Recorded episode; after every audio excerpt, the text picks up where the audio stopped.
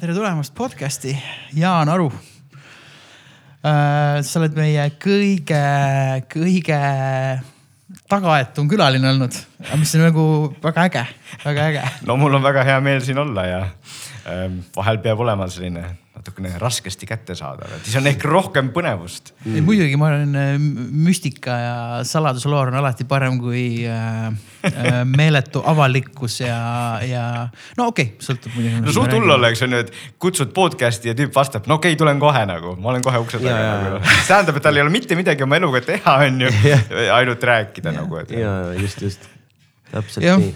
nüüd oleme meie Henriga meile meeldib rääkida neist. otsime ennast läbi podcast'i, ajame inimesi taga, et noh, andke nõu. peaasi, et otsite selles suhtes, et see on juba päris hea. ja see on põnev, ma eile rääkisin ühe hiljutise külalisega telefonist, ta veel helistas ja tänas, et kutsusime ja ta ise kuulas üle ja oli väga rõõmus ja siis ta ütles ka täitsa pekkis, kui kaua rääkisime ja võime ikka rääkida, ma ütlesin noh, tegelikult me räägime kogu aeg niimoodi, lihtsalt nüüd see on nagu talletatud justkui mm.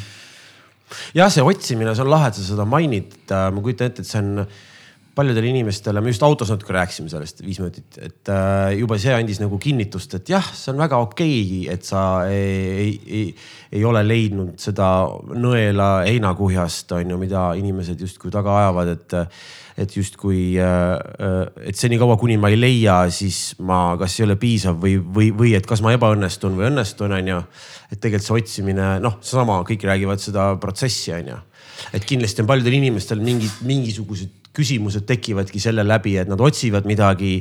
aga noh, teadmatus on alati ju selle mingisuguse ärevuse taga, on ju, et, et, et kõik tahavad neid vastuseid saada justkui, et mis seal ümber, mis seal ümber nurga ikkagi nüüd on, on ju jah, et see on üks kõige tähtsamaid asju ja hea on sellest alustada, muidu on ju kuskil mingi, räägid kolm tundi ära ja siis keegi enam ei kuule ja siis ütled mingi tähtsa asja nagu alguses kohe, saame öelda seda, et tõesti nagu need kõik, kes nagu ei ole leidnud oma asja veel, aga otsivad teadki, et teil on kõik hästi. Äh, aga me tahaksime enda ümber nagu kõikide inimeste tähelepanu juhtida sellele, et äh, see, et sa ei ole veel leidnud, ei ole probleem. probleem on siis, kui sa enam ei otsi noh, sa ei üritagi leida, sellepärast et äh, meie maailm on täis võimalusi, meie aju ise on arenemisvõimeline ja seega me peame lihtsalt nagu ise otsima, aru saama, et see on normaalne, et kui me teeme midagi uut, siis alguses ei tule välja, et see on ilge nikerdamine, ilge jura. aga, ja ka enda ümber inimestele ütlema seda, et kuule, äh, võib-olla pead, pead veel otsima mm.. ja tihtipeale ka lihtsalt olema või noh, et see tolm natuke sätiks, et jälle nagu näha natuke võib-olla selgemalt, et mis ma nüüd nagu äh, noh, mis on nüüd see järgmine otsingu samm. ja, ja see on tänapäeva maailma suur probleem, et tegelikult väga raske on leida neid selguse ja rahu hetki, eks.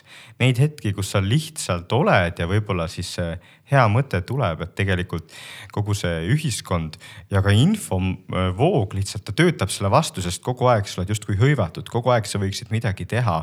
kas midagi produktiivset või siis lihtsalt olla telefonis ja lihtsalt infot tarbida.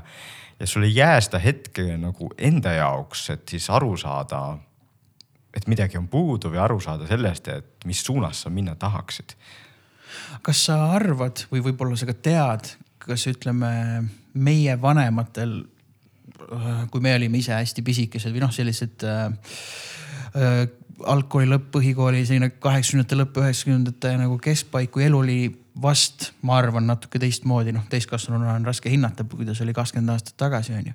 või rohkem, et, et kas neil oli huvitav sama mure või kuna siis ei olnud sotsiaalmeediat ja nii palju neid dopamiini pakkuvaid nagu või dopamiini pakkuvaid äh, segajaid mingil määral, et kas, kas oli teistmoodi nende seesama, et kogu aeg peab tegema midagi, kogu aeg oled, oled äh, nagu hõivatud justkui mingi, mingi otsimisega või pigem oli, oli natukene heas mõttes lihtsam või kergem? ma arvan, et ikka kõvasti oli lihtsam just, et kõvasti lihtsam oli leida seda, seda hetke ja kui me vaatamegi inimkonna ajaloos nagu üldiselt tagasi ka, siis kokku kunagi ei ole olnud nii keeruline, et need seadmed, mis meil on ja kogu see infomaailm lihtsalt meie aju ei ole selleks valmis ja, ja see ei ole kunagi olnud nii hull kui praegu, eks.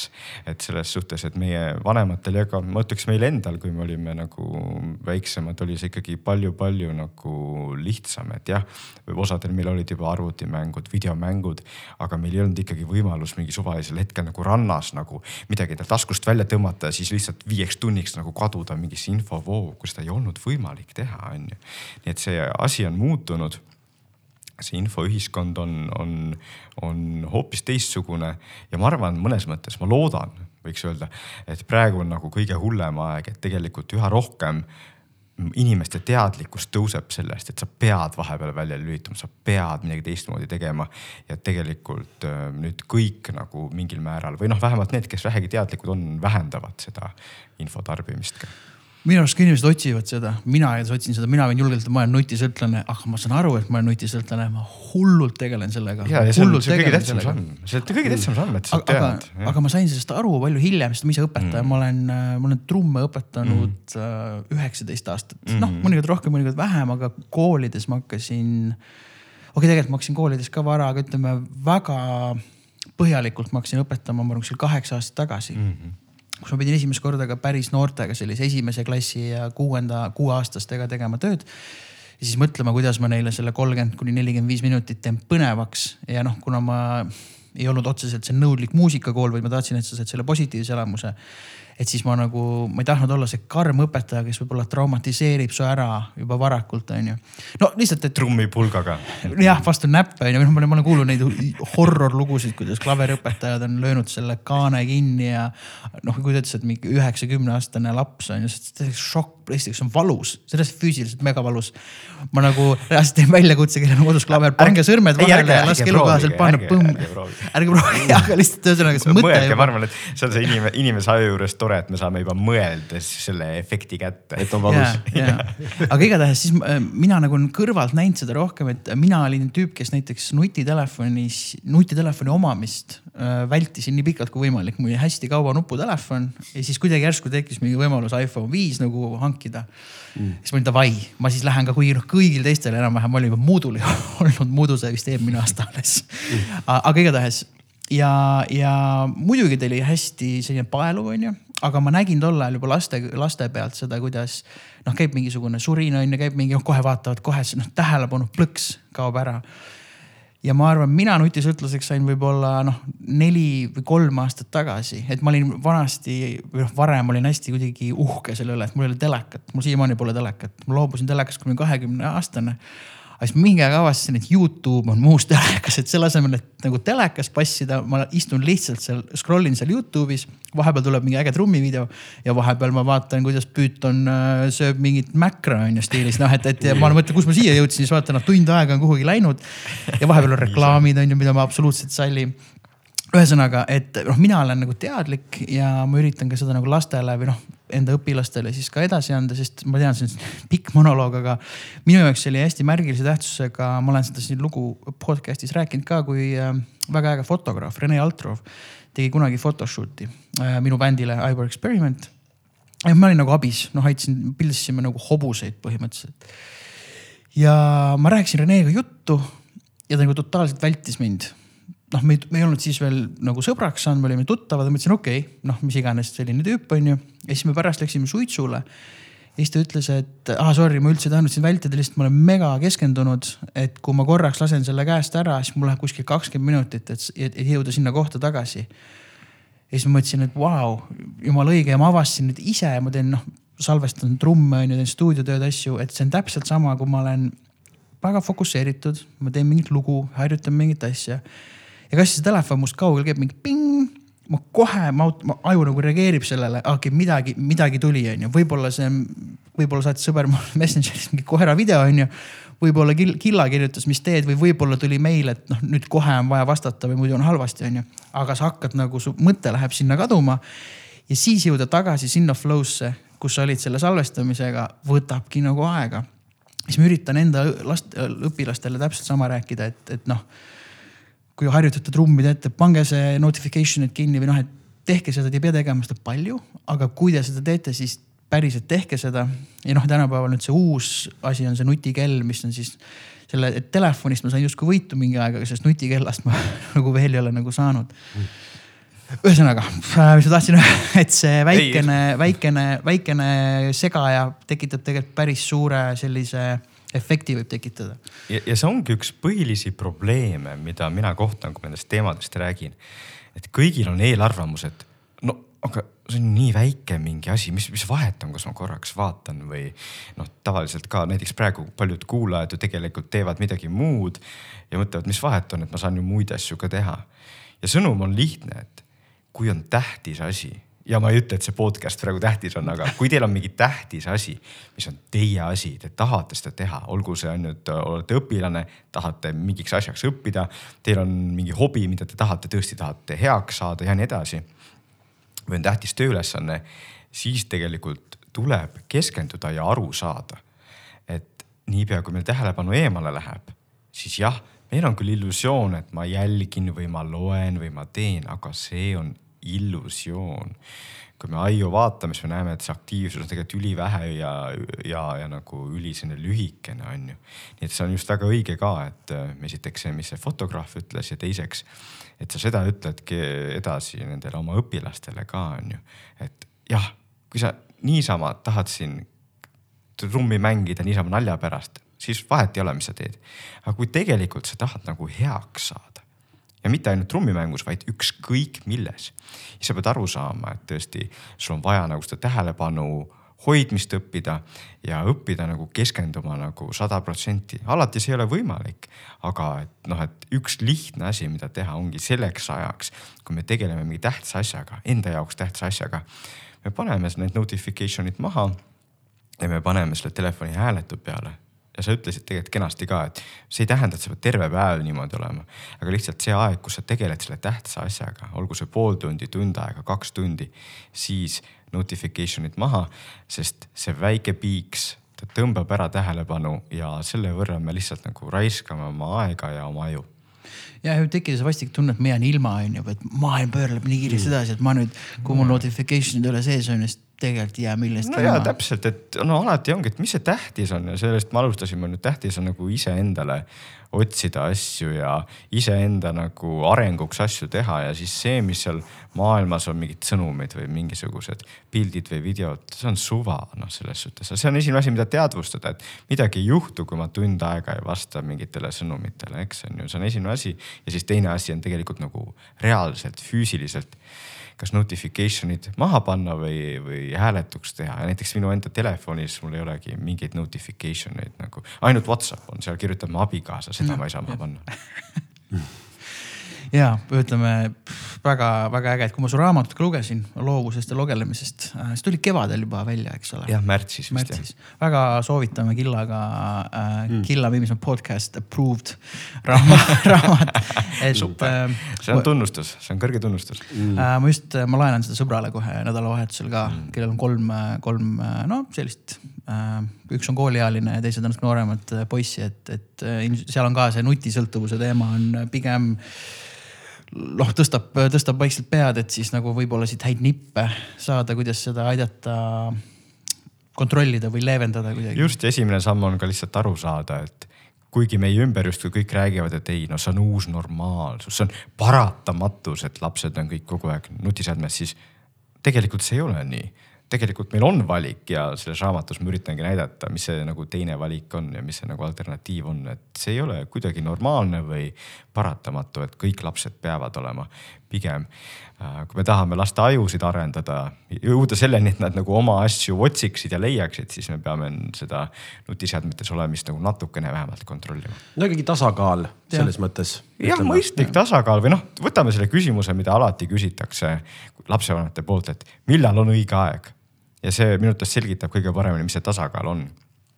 et me tahame, et lapsel oleks esiteks mingi huvi, olgu see trummide mängimine, robootika, joonistamine, laulmine, võib-olla mõnel hullul teaduseks, ükskõik et tal on endal nagu juba mingi huvi, mis ta tahab teha, tal on mingi, mingisuguse väikse asja leidnud enda jaoks. ja siis me saame nutiseadet tutvustada kui seadet, mille abil saab selles huvis sügavamale minna, et sa saad nagu vaadata mingi tipptrummari mingit videot või õpp, õppevideot. sa saad vaadata mingeid videosid robootika kohta, sa saad kirjutada robootika mingit koodi näiteks seal. et see nutiseade on nagu abivahend sinu aju jaoks mitte nii, et nagu laps saab nutiseadme siis kuidagi loodame, et oh, ta õpib seda kasutama ja küllap varsti. sest me teame, mida siis, kui laps nutiseadme saab ja tal endal huvi ei ole, mis siis juhtub. siis ta mängib mänge ja on, kolab kuskil sotsiaalmeedias ja Youtube'is, eks. ja ongi nüüd, et kui me need kahte last vaataksime, ütleme üks laps, kes, kes vaatab äh, seda äh, trummivideot, kuna tal on huvi trummimängimise vastu ja teine laps, kes vaatab trummivideot, kuna ta juhuslikult nagu lihtsalt sattus sinna peale selle soovitusalgoritmi põhjal, tal ei ole endal mingit huvi selle vastu. siis kui me neid vaatame, nad justkui teevad täpselt sama asja. aga mis on tähtis, on see, et ajus on väga erinevad protsessid. kui see soovitusalgoritm pakub midagi, siis see masin justkui kontrollib seda, mis ajus toimub ja määrab kõik selle, mis ajus toimub. aga kui lapsel on oma huvi, antud juhul siis trummimängu vastu, siis tema kontrollib seda mängu ja ja, ja, ja, ja see vahend lihtsalt annab mingit sisendit ja laps mõtleb, okei okay,, nüüd ma näen, kuidas ta seda lööki teeb või kuidas ta seda niimoodi liigutab. ta õpib, arendab. ja siin me näemegi, et mis on nende äh, kahe nagu sellise variandi äh, vahe või võimaluseks. et üks on see, et nutiseadmed kontrollivad lapsi. aga teine on see, et lapsed kasutavad nutiseadmeid ja kontrollivad neid. Ja siis ongi küsimus, et kumba me tahame. Ja kui niimoodi sõnastada, siis tundub, et see vastus on tegelikult ju ilmselge. Mm.. ja, ja mitte ainult lapsed, ma ütlengi, et äh, ma sellest koolist hakkasin rääkima, et äh, ma arvan, väga paljud lapsevanemad ja noh, inimesed, ka täiskasvanud inimesed on ise sõltuvuses ilma aru saamatagi sellest ja siis nad nõuavad kuidagi teinekord oma lastelt võib-olla asju, milles nad isegi pole veel saanud selgusele, et kuidas nagu on, et noh. see on, see on paratamatus, et, et ähm, kui me oleksime praegu noored, meil noh, see lihtsalt see ongi saadaval. ma väga nõustun sinuga. absoluutselt ja noh, et ongi nagu ühelt poolt kahtlemata lapsevanematel on endal tihtipeale suurem probleem, et ükskord pärast esinemist üks poiss tuli minu juurde võib-olla kümme, üksteist ja ütles, et tahaks ühest probleemist rääkida. ja siis ütles, mu ema on nutisõltlane mitte ise, vaid tema ema ja ta oli nii mures oma ema pärast, aga just see on täitsa õige. ja teiselt poolt, mis on tähtis, ongi nagu, et noh, suured inimesed noh, mõnes mõttes võib öelda, et nad valivad ise, mis tahavad, tahavad, teevad suitsu, tahavad, joovad alkoholi, noh, mis, mis me saame öelda, me saame anda neile soovitusi, eks. aga kui me räägime lastest, siis meil on reaalselt nagu seadused ja viisid, kuidas me ühiskonnana üritame neid kaitsta näiteks tubaka ja alkoholi eest, on ju. ja üks mõte on see, et kui me nagu ei saa nagu mõistlikult teistmoodi nagu seda nutiseadmete asja kontrolli alla, siis tegelikult peaks ka võib-olla samamoodi kontrollima, aga mina ei ole nagu selle poolt otseselt, ma loodan nii väga, et nagu inimesed ise võtavad mõistuse pähe ja noh, me saame sellega hakkama ilma mingite seadusteta, aga ma tunnistan, et ma paar nädalat tagasi sõitsin bussis tulin just ühelt ürituselt, kus ma rääkisin nutiseadmetest ja nende mõjust ja ma kuidagi tundsin, et ma olen teinud seda asja mingi viis aastat inimesed noogutavad ja kõik nii ja ikka on lugusid ka, kus öeldakse, kirjutatakse, et kuule, aitäh, et me oleme oma peres muutnud. Aga suures plaanis tegelikult mingit muutust nagu toimunud ei ole ja mm. noh, et, et väga raske. kas ta läheb intensiivsemaks, algoritm läheb targemaks, ega nad ju kõik platvormid tahavad, et veedaksid aega seal. no just ja see on ka asi, mida ma tahan, et inimesed kõik aru saaksid, et, et, et see, need algoritmid on ju loodud selleks, et lihtsalt inimesed seal võimalikult palju aega veedaksid ja ma vahel ütlen ka, et need, nende algoritmide loojad on palju paremad ajuteadlased kui mina, sest mina on ju suudan praegu kontrollida, no ma ei tea, palju inimesi seda podcast'i kuulab, on ju, mõningaid ajusid, on ju, aga nemad nemad suudavad kontrollida korraga miljoneid ajusid, täpselt teavad, mis sisu sisse sööta, et see pöial edasi tantsiks seal mm. ekraanil, eks. kui palju sa ise seda algoritmi teadust äh, lisaks oled uurinud?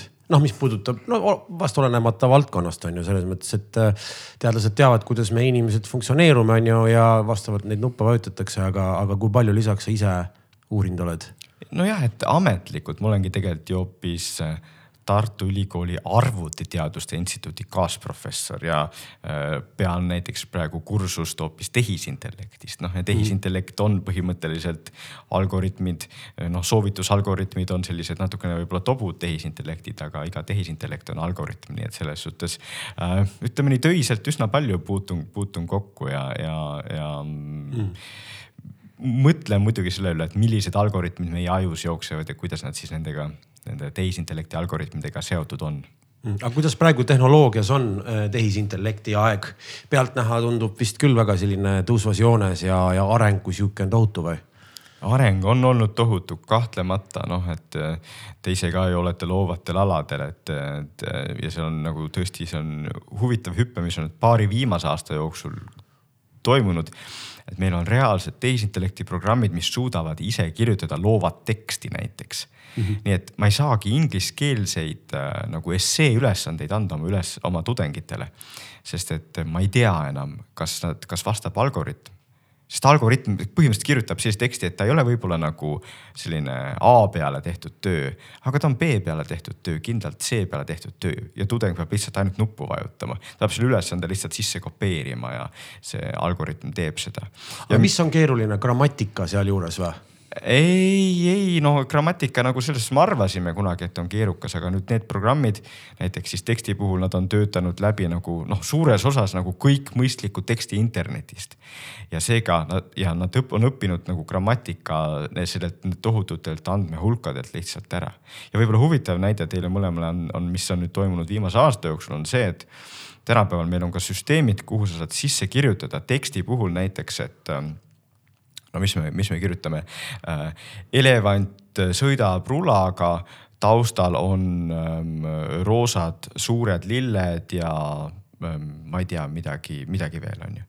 ja meil on programmid, mis reaalselt selle teksti põhjal nagu loovad pildi Mm. ja kujutate ette, mis see nagu, et noh, see on olnud muidu selline, on ju disainerite ja mingite selliste illustraatorite pärusmaa. aga tänapäeval äh, noh, on need programmid reaalselt olemas, mis teevad selliseid asju mõne sekundiga ja vahel mõned asjad ei ole nagu jah, päris nii head, kui see illustraator teeks, aga sa saad selle ju programmi vajutada uuesti ja ta teeb sulle siis paari sekundiga uue versiooni mm.. Äh, nii et äh, natuke üllataval kombel tegelikult see on ülikähku käinud, et nagu sellised äh, kirjutamisalad ja, ja disain ja, ja illustratsiooni tegemine. see on asi, mida me ei oodanud, et tehisintellekt üle võtab, aga tegelikult äh, seal ta muudab nagu tohutult seda, kuidas tööd tehakse ja, ja noh, et need on asjad, mis on reaalselt tänasel päeval olemas. Mhm. et ütleme nii, et, et et tavakasutuses mingil määral, noh, ma saan aru, et professionaalid saavad kasutada neid küll, aga tavakasutuses. põhimõtteliselt nagu igaüks saaks ka minna nagu, et keda väga huvitab, siis tuleb lihtsalt näiteks guugeldada stable diffusion ja seal on nagu selline programm, mille saab tasuta kasutada, seal on mingi piirang, võib-olla mingi nelisada pilti saad tasuta teha või midagi taolist, aga edasi see ei ole nagu mingi suur rahasumma, mida sa pead maksma mm. -hmm. ja siis on isegi teine programm ka on Tal-E2 äh, või kaks, äh, mis, mis ka nagu siis teeb neid asju reaalselt noh, et selles suhtes mm -hmm. sul ei ole, äh, sul saad tasuta ka neid kasutada alguses mm. -hmm. ja meie nagu olemegi tudengitega kursuses, vaatasime neid programme ja tegime katseid ja nagu vahepeal ei tööta, aga need noh noh, mõnda nüanssi nad ei taba, aga juba on mõlemast programmist uus versioon olemas, mis on mm. palju parem ja see areng on lihtsalt nii metsik ja uskumatu, et on nagu tore nagu teha seda teadust ja uurida ja küsida, et oot-oot-oot-oot-oot, milles me inimesed siis paremad oleme ja mida see üldse tähendab inimese loovuse jaoks ja nii edasi. Ja need arengud on tõesti nii kiired olnud, et noh, ütlen, mul raamatusse see kõik sisse veel ei jõudnud, sest et sel hetkel seda ei olnud olemas ja nüüd paari kuuga on neid programme tulnud mitu tükki välja. Mm.. see on huvitav, meil käis just külas siin äh, Muudu, äh, kes rääkis, hetkel tuli plaat välja Who let the bear in the studio ja siis ta koos või lasi teha siis ühel Soome visuaalkunstnikul video, visuaali sellele loole, mis tuli Erki Pärnojaga, mis on samamoodi ju siis tehisintellekti tehtud mm.. et Moodu ütles, et täpselt ei tea, kuidas ta seda tegi. aga kas see oli Moodu või oli see, see disainer, kes leidis selle mingi karupildi, kuna selle noh, karu on see selline nagu äh, plaadi teema ja siis ma ei tea, kuidas seda kutsutakse, seda võtet, aga siis see pilt hakkab kuidagi noh, jah, nagu siis transformeeruma ja mm. -hmm. ketrama ja ma saan aru, et see on suht paljuski, et sa sisestad sellesse programmi või algoritmi mingisugused elemendid ja siis see ta nagu teeb sulle nagu selle video või noh, mis Ja, on ja. nagu mega äge ja, ja kui sa seda vaatad, siis ma isegi noh, ma ei ole üldse videokunstnik, aga ma isegi ei kujuta ette, kuidas sellist asja nagu ise progeda või disainida või, nagu- või teha mm., eks ole. ja teine näide äh, on täpselt, mul on mis iganes põhjusel Instagramis mul on tulnud äh, need sponsoreeritud reklaamid kus ta pakub ka mingit ai, mingit piltide tegemist just, see võib vabalt olla üks nendest pro programmidest, mis või, äh, või tegelikult isegi noh, ma usun, et mitte nendest, mitte need programmid, aga mida siis paljud firmad teevad ja tõesti nagu tuhanded firmad üle maailma on see, et nad kasutavad neid programme, mida ma mainisin. ja noh, see ongi nende programmide nagu ärimudel, et nad annavad äh, nagu selle kasutuse teistele ja siis need teised firmad kasutavad seda, neid programme siis, et, et nagu teha mingit reaalset toodet ja nemad on need, kes pigem sulle siis nagu reklaamivad ja, ja, aga see oli täpselt, et see oli umbes, et äh, sellesse tehisintellekti programmi Mm. oli sisestatud noh, näiteks mingi äh, last day on earth, eks Ja, ole. ja, siis see programm oli nagu pildi genereerinud, mis oli ülivägev pilt või noh, selline, et ei, see on uskumatu. kuidas ta tuli selle peale või et, et mm. ma hakkasin ise selles mõttes mõtlema, et kui ma peaksin kunagi enda sooloplaadi valmis saama, et mul on kindlasti mõtteid, kellega ma tahaks koostööd teha ja seda kujundada. aga teine mõte oli võtta mingi selline programm abiks, sest seal võib tulla noh, mingit täiesti ootamatut, mida noh, mille peale. ise absoluutselt ei tuleks. tule, ja just, et see ongi, et sa saad teha mitu klikki ja saad on ju paari tunni jooksul teha mi- mitusada pilti ja nagu sealt leida midagi. Ja kui väga vaja, siis noh, saab natuke mudida või isegi mõnele inimesele anda, et kuule, joonista veel see natuke paremaks ja nii, aga just, et ta nagu tohutult nagu muudab sellist, sellist protsessi, kus on vaja teha mingit kujutavat nagu äh, kunsti võib-olla hästi klišee küsimus, aga kui me tehisintellektist räägime, et äh, arvad sa, et kunagi võib nii-öelda tehisintellekt jõuda tõesti sinna, kus ta nii-öelda äh, ületab äh, sellised või noh, jõuab, saavutab teadvuse või muutub kuidagi inimesele või noh, inimlikumaks no,. mitte just nagu ohtlikumaks või ohtlikuks, aga noh, nii-öelda me oleme igast näinud igast filme ja, ja asju, kus on fantaseeritud sel teemal. noh, kunagi, kunagi on muidugi päris selline nojah, jah noh. pikk aeg, selles suhtes ongi nagu, et, et kui ma olen teadlane, siis muidugi ma pean ütlema, et kunagi me jõuame sinna, noh okay. Sest et me, me lihtsalt, ma tean, et maailmas on nagu kümneid tuhandeid inimesi, kes tegelevad sellega. aga nüüd küsimus on, millal ja siin on nagu osa neid, kes arvavad, et see juhtub nagu selle dekaadi lõpuks noh, aastaks kaks tuhat kakskümmend üheksa. mina olen skeptilisem, et noh, et ongi paljud, kes seda ütlevad, nad on nagu sellised suured nagu tehnoloogia fännid ja tehisintellekti fännid. aga mulle tundub, et noh, et seda teha, sa pead midagi teadma ka nagu aju kohta. ja lihtsalt meie aju on niivõrd keerukas ja seal on nii palju nagu saladusi, mida me veel ei tea. et seetõttu ma arvan, et see on naiivne arvata, et see nagu tehisintellekt on nagu kohe siin ukse taga, aga ega ei tea, see on nagu tohutult põnev olnud, ma ütlen, et paar aastat tagasi ma ei oleks arvanud, et meil on sellised programmid, nagu meil täna on olemas ja nagu, et see areng on nii kiire, et peadpööritav. no ütleme niimoodi, et mis nagu tundub vähemalt esmapilgul kõige keerulisem nüüd ongi seesama, ütleme küsimus, et, et, et kuidas sa nagu lood läbi, läbi tehise siis äh, tundeid ja tajusid, mis ju on inimesel ja mille läbi meie ise inimestel ka formuleerub see minapilt, eks ole. et noh, et, et see isepäine tehis, noh, see ongi see küsimus, kõik muu ju tehniline teadus, noh, see on ju võimalik, on ju ja, ja, ja see ongi väga-väga tähtis, et noh, tuleme tagasi selle loovuse näite juurde, et need tehisintellektid tõesti, kui sa talle vajutad nuppu, ta teeb väljundi, mis on palju-palju loovam. aga noh, täiesti ekslikud on minu arvates need inimesed, kes ütlevad, et nüüd tehisintellekt on loovam kui inimene. sest tehisintellekt, ta ise ei loo ju midagi. Ta on lihtsalt tööriist. et see on see ikkagi see suur vahe nagu selle inimesest kunstnikuga, kes lihtsalt tunneb, et ma tahan teha ja, ja siis nagu tema seest tuleb kõik see nagu see kunst ja see, selle alguseks on see mingisugune tahtmine või säde nagu midagi teha.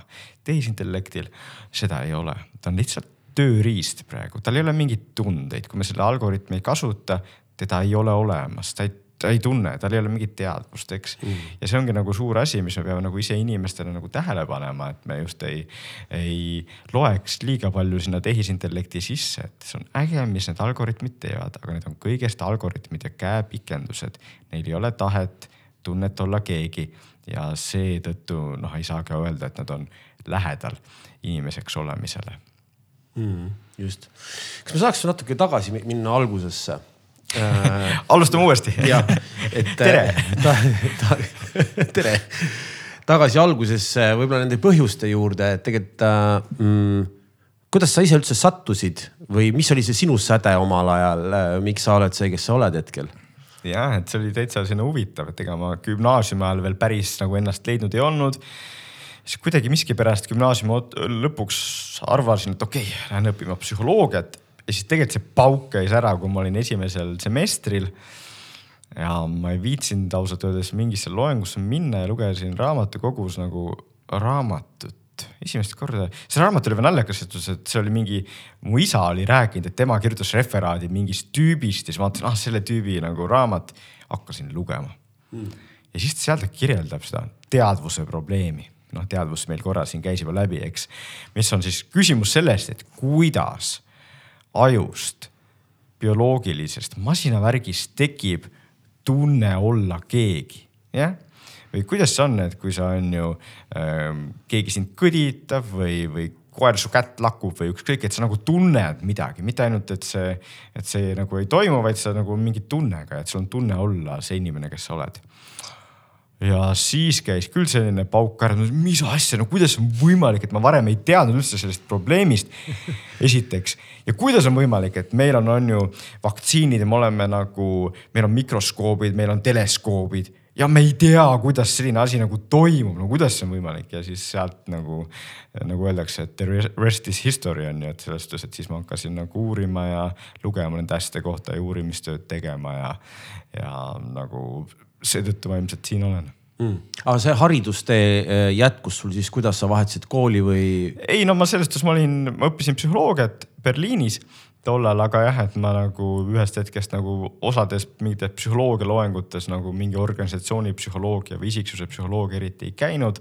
vaid pigem istusin raamatukogus ja mind teatigi nagu, et kui mingi küsimus aju kohta, et siis, siis, siis minge nagu Jaani juurde mm. Ja siis ma läksin edasi, läksin küll nagu siis äh, Max Plancki Ajuuuringute Instituuti, mis oli nagu puhas nagu selline ajuteaduse põhine, aga seal uurisin ka teadvust. Ja nii et äh, see, see, seal ma tegin oma doktoritöö ja siis, siis ma nagu läksin vahepeal natuke lahku või läksin nagu pahuksisse selle teadvuse probleemiga. Mm.. tulin tagasi Eestisse, Tartusse, hakkasin tehisintellekti uurima ja niimoodi selline on-off suhe selle teadvuse probleemiga mul mm. olnud on mm.. kui inimene küsiks, äh, Jaan, mis, mis mõttes, mis sa mõtled selle all teadvus? noh, siis ongi, et, et selles suhtes, et noh, kui te istute praegu, kuulate, siis on mingi tunne, mis on nagu olla teie, teil on nagu mingi, ütleme nii, sisemine perspektiiv, eks on nagu ähm,, mis te näete, kogete seda maailma, on ju, see on nii, see on see probleem, mis ma, millega ma kohtusin, on ju, kui ma seda lugesin, et ähm, me elame maailmas, me ei mõtle kunagi selle, selle peale, et tegelikult kõik see on vahendatud läbi aju. aga niipea kui me saame aru, et okei okay,, ma tegelikult ma ei näe neid asju, mis nagu, nagu päris, päris, päriselt on, vaid see kõik on nagu aju poolt kokku pandud, siis tekibki küsimus, oota, mis asi on kokku pandud?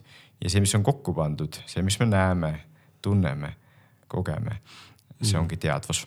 Mm.. noh, pluss veel selleni välja, et kõik koosneb aatomitest ja kõik vibreerib ja kõik see, eks ole nojah, no olenebki, mis tasemel lõpetad, et siin mm. ongi nagu see on ju see äh,. eelmine aasta vist sai, sai Nobeli auhinna Sir Roger Penrose ja tema ütleb, et ei, et selleks, et mõista teadvust, peame me nagu uurima kvantmehaanikat ja kvantefekte, noh teised noh, rohkem ajuteadlusest, ajuteadluse poole pealt tulevad teadlased ütlevad ei, ei, ei, ei, me peame lihtsalt uurima närvirakkude aktiivsust, me ei pea minema madalamale.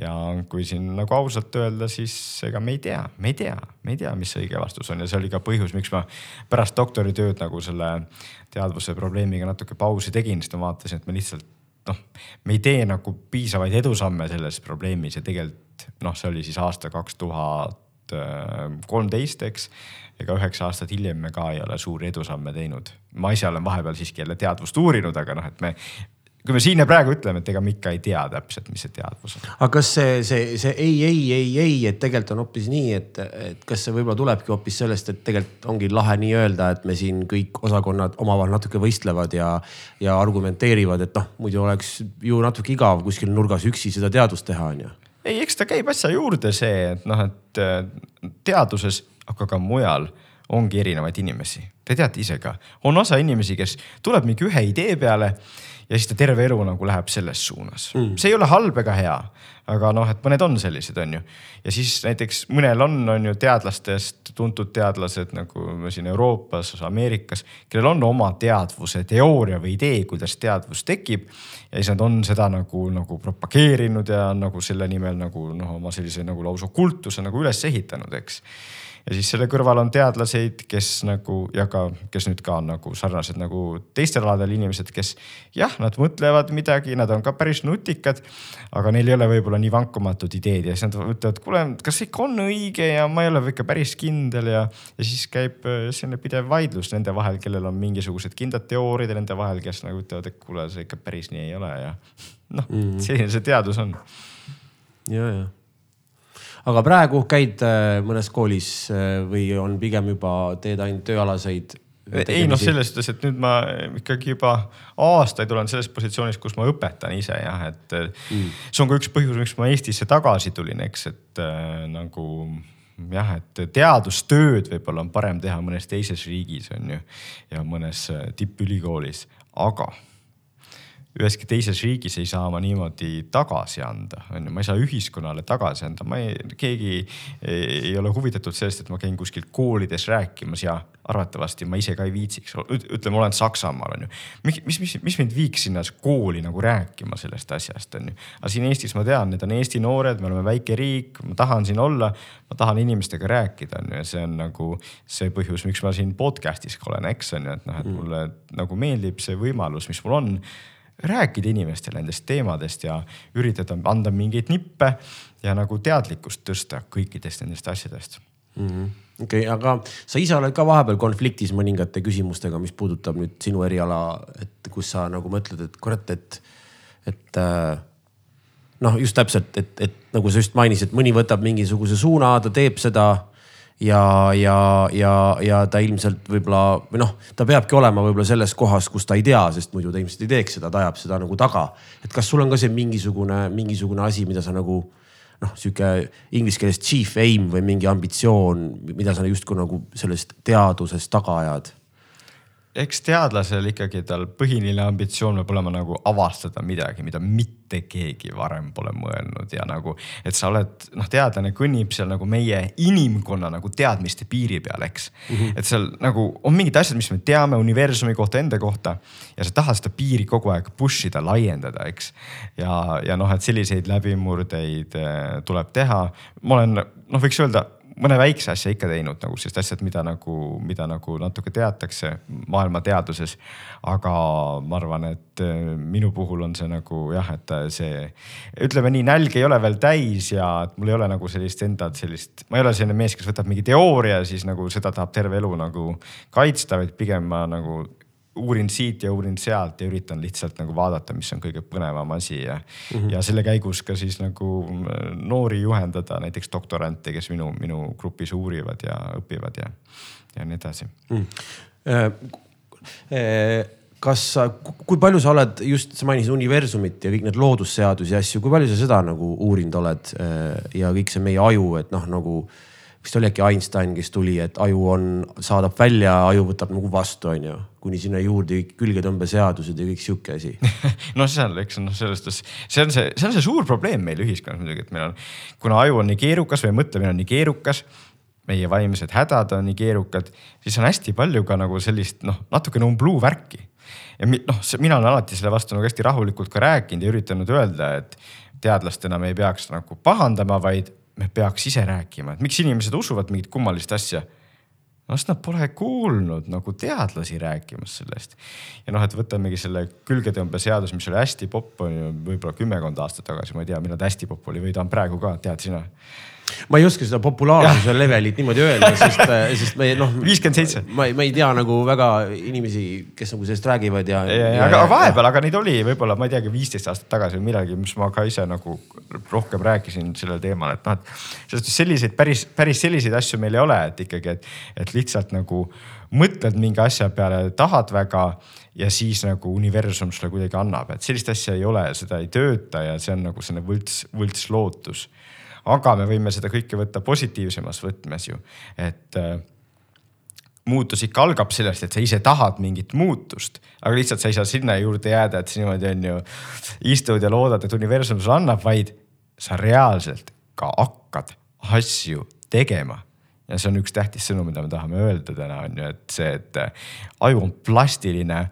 Meil on võimalik oma aju muuta, kui me tahame olla natuke teistsugune inimene, tahame osata midagi muud äh,. tahaks, et meie elu on teistsugune, siis põhimõtteliselt meil on see võimalus sinna suunast liikuda aga see ei saa olla nii, et ma on ju jah, istun seal teleka ees, joon õlut ja mõtlen selle peale, et küll oleks lahe olla mingi teine tüüp, vaid ma pean reaalselt nagu hakkama nagu seda tegema ja teadma, et iga teekond on alguses väga raske aga ükski inimene, kes on nagu kuskile jõudnud oma teekonnaga, ei ole sinna jõudnud niisama, vaid et ta ongi seda hakanud kõndima ühel hetkel ja nii, et kes tunneb, et ta tahaks muutust, siis hakake neid esimesi samme tegema.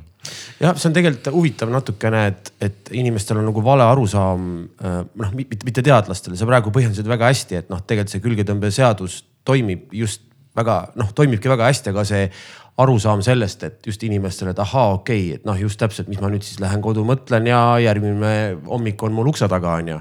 et, et see on nagu huvitav, et kohati nagu naljakas, et, et nagu seda peab nagu lausa nagu põhjendama, et kõik need seadused hakkavad tööle ainult siis, kui sa ise läbi just see, et sa tunned ennast hästi ka seda tehes on ju. ja, ja hästi palju natukene või noh, hästi-hästi palju natukene on ka üks hea lause. et, et, et, et tuleb nagu tibake nagu, nagu vähemalt iga päev natuke see nagu asju teha, on ju et, et, et jah, ühesõnaga see on, see on hea, et sa seda mainid, sest see annab nagu kinnitust, aga just seesama, et, et, et inimestele peab nagu kuidagi nii lihtsat asja nagu põhjendama, et see tegelikult ju võrdub ju sellega, et noh, kui sa tahad, sa ju pead ju kõndima või noh, saad aru, et, et, et sellest sa saad aru küll, aga kui me räägime nagu läbi mingi nagu natuke laiemalt seda, et siis nagu järsku justkui nagu ei pea tegema, on ju, et eh, see on nagu naljakas. ja, ja, ja see on nagu noh, kõik need sellised, sellised eh, eksiarusaamad on, on nagu need, mille vastu mina ka võitlen ja teine ja väga.... see natuke lörtsib seda nagu seaduse enna, enda nagu seaduse nime, et nagu vale arusaam on sellest, et justkui, justkui noh, jah, ma ei tee midagi, ma siin loodan loodan ja, ja siis lõpuks nädalaga ei juhtu ja siis on need, ah ilmselt on see mingi bluff on ju. Jah, või võtame, võtame natuke teise nurga alt, et noh, teine selline asi, mis ei ole seadus, on ju, mida keegi, mida, mida ei arva ainult umbluuuskujad, vaid arvavad inimesed, kes nagu tulevadki koolist ja nagu on, on täitsa tavalised inimesed, on see, et meil on olemas andekad inimesed ja on olemas teistsugused inimesed. noh, et see on see nagu eelarvamus, mis me nagu natukene nagu oma ühiskonnas saame, et no ja on mingid andekad inimesed, lauljad, näitlejad, kunstnikud, ükskõik. Ähm, ja noh, et nad on lihtsalt andekad, nad on lihtsalt teistmoodi, et see on nagu asi on geenides mm. aga kui me asja uurime, on ju psühholoogiliselt ja, ja ajuteaduses, siis on selge, et tegelikult jah, me oleme erinevad, jah, meie ajud on erinevad aga mingisugusest loomulpärasest andekusest palju tähtsam on see, et kui palju see üks või teine inimene viitsib ja jaksab tööd teha. nii et kui me mõtleme ikkagi pikas perspektiivis, viie aasta või kümne aasta perspektiivis, siis need, kes on nii-öelda jäärapäised, tegelevad oma asjaga, nad jõuavad kaugemale ja see on väga tähtis sõnum, sellepärast et ma ütlen, et kui ma käin koolides, siis ma ju näen, et lapsed, nad, nad on mures selle pärast, et oi, mul on kolmed ja et ma olen, ma olen nii rumal. ja see tähtis sõnum on, et see ei ole tähtis, mis su hinded on. see ei ole tähtis, mis teised või mis sa ise praegu arvad. küsimus on, kas sul on mingi huvi, millesse sa tahad ise nagu investeerida, oma aega, kas on mingi asi, millel sa viitsid nagu tegeleda, eks? Et me kõik peaksime pigem seda otsima, et meil on mingi tegevus, kus me viitsime nagu läbi jura ja närida ja nagu lihtsalt nagu vaeva näha. sest et see on tähtsam, see on tähtis ja, ja, ja et igasuguse muutuse aluseks ja ka edu aluseks on see, et me viitsime nagu nikerdada ja vaeva näha. nii et see on see üks põhisõnum, mida me tahame, et ühiskond teaks mm., et nagu iga inimene teab, et äh, see on põhimõtteliselt minu enda kätes, jah. mõnel on nagu loomupäraselt rohkem antud, jah, mõnel on rohkem õnne, aga peamine faktor ja faktor, mida ma saan ise kontrollida, on see, et kas ma nagu teen tööd ja näen vaeva Mm, no ongi ja seal hakkavad, kui sa oled jäägitunud pühe, jäägitult pühendunud, seal hakkavadki need kõrgemad jõud tööle, mida meie alati, me ei teagi, neid varieeruvaid on nii palju, sest me enam ei ole nii-öelda ühe jalaga sees, teise jalaga väljas. ja seal ei olegi varianti, et ma kuidagi alla annan, sest ma olen jäägitult pühendunud noh ja no siin on väga palju teemasid, ma korraks üritan minna tagasi, et, et absoluutselt nõustun, noh, ma olen nii kaua õpetanud, et ma oskan selle põhjal öelda täpselt, et, et äh, ma näen väga andekaid lapsi ja ma näen, ma ütlen, mu praegune kõige, ma arvan, üks, kas isegi võib-olla kõige tublim õpet-, õpilane või üks tublimaid äh,. noh, kes on käinud, ma arvan äh, kuus aastat minu juures. ma arvan, esimesed kaks-kolm aastat ta oli pigem üks kehvemaid, sest ta ei tegelenud lihtsalt nii palju, ta käis selline noh, mõnus hobi ja siis mingi hetk käis mingi klikk ära, kus ta oli, wow, okei see on asi ja nüüd ta on nagu põhimõtteliselt top tüüp, onju. ja tulles nüüd selle, ütleme siis loodusseadused või see, kui sa tegeled, on ju selle noh, nii-öelda siis manifesteerimise juurde, et samamoodi, et, et äh, ma alati soovitan ükskõik, kes mida teeb, ütlen, et unista suurelt, mitte ära unista suurelt, vaid unista absurdselt suurelt, sest äh, kui mina mõtlen tagasi oma unistuste peale, kui ma olin, noh, ma ei tea, selline kuueteistaastane, seitsmeteistaastane, kui ma nagu ikka hakkasin muusikat väga tõsiselt võtma. siis põhimõtteliselt, noh, põhimõtteliselt kõik mu unistused on täide läinud ja ma natuke kahetsen, et ma natuke, mitte natukene, vaid palju suuremalt veel ei unistanud, et, et kui ma nüüd läheks enda unistuste juurde tagasi, kõik see on juhtunud. Aga rääkides võib-olla nüüd sellest loodusseaduse nagu jõust on ju, või siis külgetõmbejõust või mis iganes äh,. kuidas seda nimetada, siis ma olen ju oma käitumisega neid lükkeid kogu aeg teinud, ehk siis tõenäoliselt ma kuskil mängisin, keegi nägi, vaatas, ahah, tüüp suhtus professionaalselt, temaga oli muhe hängida, oskas trummiga mängida. kuskil mujal vestluses tuli see, kuni mingi hetk noh, kogunes näiteks see kogum inimesi, kes kõik olid ka väga teemas sellel alal ja olid, aa okei okay,, Mikk Simson on mingi tüüp, keda võiks kutsuda või tema peale saab loota, onju. ja aga kõrvalvaatel võib toimuda täitsa pekkis, et noh, sa nagu lihtsalt mõtlesid selle peale, kõik mm. jutski, aga ta ei näe seda, kus sa noh mm. fail'id kuskil haledalt onju, kus sa täpselt näed seda vaeva ja noh, ma olen mõnikord räägin, et paljud küsivad, et kuidas sa sellest trummi häälestamist niimoodi tead, ma olen vaadanud, ma ei kujuta ette, kui palju videosid Youtube'ist. ja see võib-olla video oli kakskümmend minutit, aga see minu jaoks see heureka moment oli seal mingi viieteistkümnel minutil, kuueteistkümnel sekundil mingisugune kolm sekundit, kus ta ütles ühe asja, ma olin, seda ma olen otsinud viimased poolteist aastat. ja see, aga see info on ainult siin. Et kui ma pärast kogu seda asja läbi nämmutan, enamik videost oli ja, ja ma tean, ja, ja ma tean, ja, ja ma tean, järsku oli oh, see lahendas kõik mu asjad praegu. Ja, ja, ja siis on, ja siis on veel oluline see, ma tulen äh,, lõpetan mõtte ära, et, et ma läksin ja tegin seda ma ei saanud mm. seda kohe teha, sest noh, ma olin kodus näiteks ja ma ei olnud oma stuudios. aga kui ma hästi korraks tulen tagasi selle nutisõltuvuse selle asja juurde, et mis mulle oli üks parimaid soovitusi netis õppides. eks ole, sul on tunnid, mis sa teed üks-ühele näiteks Zoom'is või siis on ette salvestatud et mu õpetaja, kelle kümme aastat tagasi, kellega ma tunde võtsin, ütles, et miks sa pead kohe praegu, kui ma ka sulle video ette salvestan, kohe praegu seda tegema. koos minuga, samal ajal kui seda videot vaatad. aga mina avastasin, et mul mingi aeg tekkis ja mõnel õpilastel tekib ka see, et nad vaatavad video ära. Nad saavad informatsiooni kätte jätavad selle meelde ja võib-olla nad ei proovigi seda kunagi, võib-olla nad proovivad seda nädala pärast, võib-olla kahe nädala pärast, kus see info on, on mälestus tegelikult sellest põhiinfost. ma tooksin siin hea näite võib-olla, kuidas Äh, laste, lastele soovitada, ma toon hästi lihtsa näite, kuidas võib-olla aidata seda Youtube'i või mis iganes asja, et näiteks kujutame ette, sa tahad õppida tegema paberlennukit selle asemel, et vaadata kuus videot, noh, mis kõigepealt vaatasid ühe video ja siis viis tükki soovitas algoritm. aa, ma jätan meelde ja siis kahe nädala pärast proovin, onju. samal ajal sa teed seda paberlennukit, siis sa kerid tagasi. aa mm., kuidas ta siin tegi? aa, ta voltis niimoodi, oota, mul ei läinud niimoodi, oota, ma pean uuesti nagu. sest siis sa justkui interaktiivselt päriselt suhtledki nagu selle õppematerjaliga. sest mina eksisin selle vastu, ja, ja, ja ta tegi niimoodi kätega, jalgadega kahe nädala pärast ma lähen ja proovin tõenäoliselt ma ei proovinud, see oli mul meelest läinud juba või mul oli mälestus ja ma tegin nagu mingisugust äh, varianti sellest. aga ühesõnaga äh, Tead, teadmiste tükid põhimõtteliselt. teadmiste tükid ja just, et siin oli mitu head asja, aga, aga, aga alustame sealt lõpust, et see ähm, et kui laps jah, et kui ta vaatab videot ja samal ajal nagu midagi üritab teha, siis on see kohe ju palju nagu interaktiivsem ja noh, et laps kasutab nagu oma aju ka, et ma ütlengi, et noh, seda ma tõin enne selle võrdluse ka nagu kahe lapse vahele, kes vaatab lihtsalt sama trummivideot ja ühe, üks nagu aktiivselt vaatab ja teine lihtsalt nagu niimoodi passiivselt. et, et, et see ongi see põhiline asi, mis on nagu, et me ja eriti lapsed nagu tarbivad lihtsalt seda sisu, aga me peaks alati olema ise nagu kohal ja ise nagu sellel juhtpositsioonil, et me üritame seda olukorda mm, juhtida ja see on lihtne asi iseenesest ju, mida mõelda, on ju. et sa tahad, et sina juhid asja, mitte soovitusalgoritm.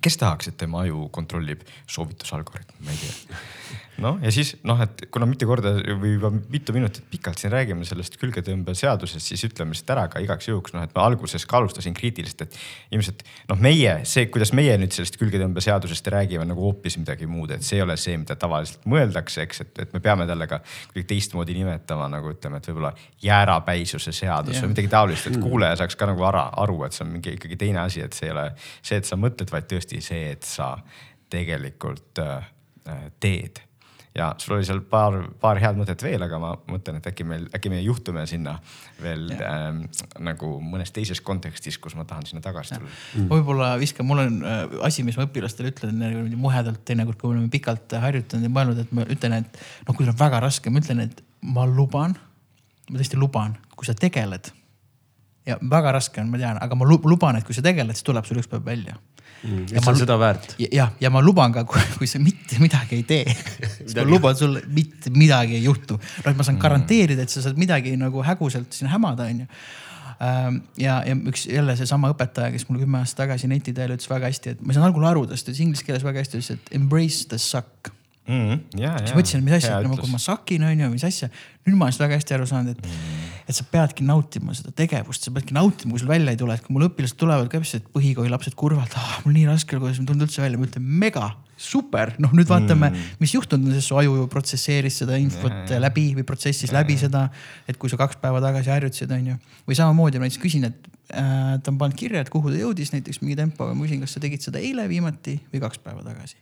siis ma tean, et kui ta tegi seda eile, siis see on hästi värske ta ajule või tegi samal hommikul, et me ei saa siit väga edasi, see on praegu see maksimum kui ta tegi kaks päeva tagasi, siis ma saan aru, ta magas mm., aju arenes võib-olla noh, sel ajal, eks ole, kui ta on mul ju õigus või noh, et et noh, hommikul õhtust targem on ju. ma olen ise, ma eile, täna kogesin seda väga hästi, kuidas eile ma tuleb järgmine lugu ja ma la, la, lammutasin ühe trummi praktiliselt ära, sest ma olin just netist tellinud mingid asjad, mis jõudis kohale ja ma vaatasin, mõtlesin. ei sobinud jah? ei sobi, see on kõige lollim, kuradi petsid mind ja, ja ma olin kohe nagu vihane, kaheksakümmend kaheksa eurot ikkagi nagu vastu pükse ja mõtlesin, mis ma, ma sellest lahti saan täna läksin stuudiosse sisse, vaatasin seda trummi ja seda vingerast, vaatasin, ah, see käib nii see mõtlesin, see on geniaalne.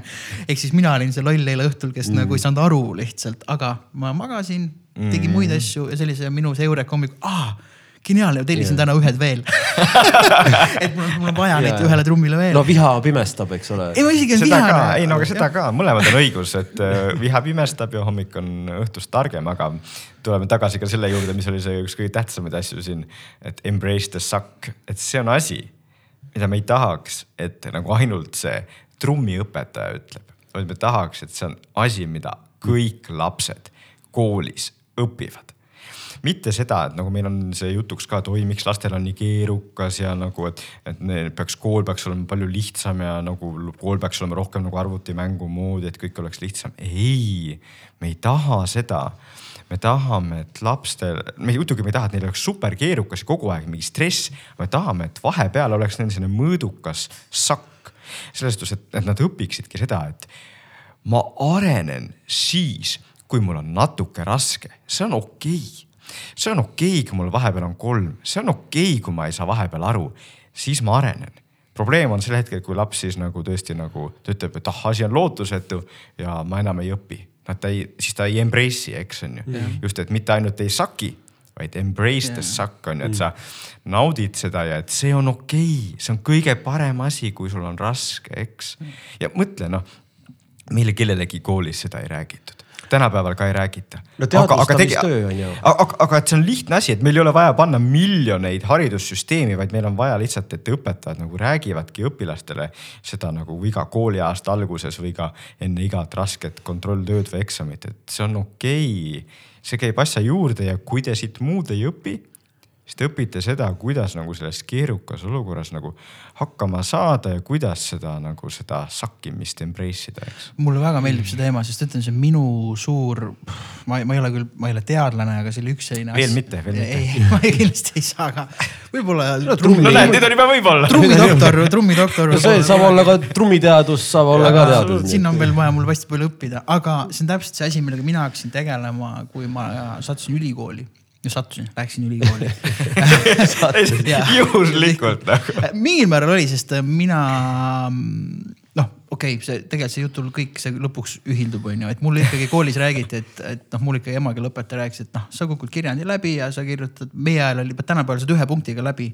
meie ajal see, et äh, nelikümmend või nelikümmend üks pidid saama, siis said üldse läbi, muidu oli fail, noh kirjand näiteks või iganes asjad on ju. Mm ja mulle ikka räägiti, et sa oled nagu mitte keegi ja sina seda kirjandit hästi ei kirjuta, ülikooli sa kindlasti ei lähe, on ju.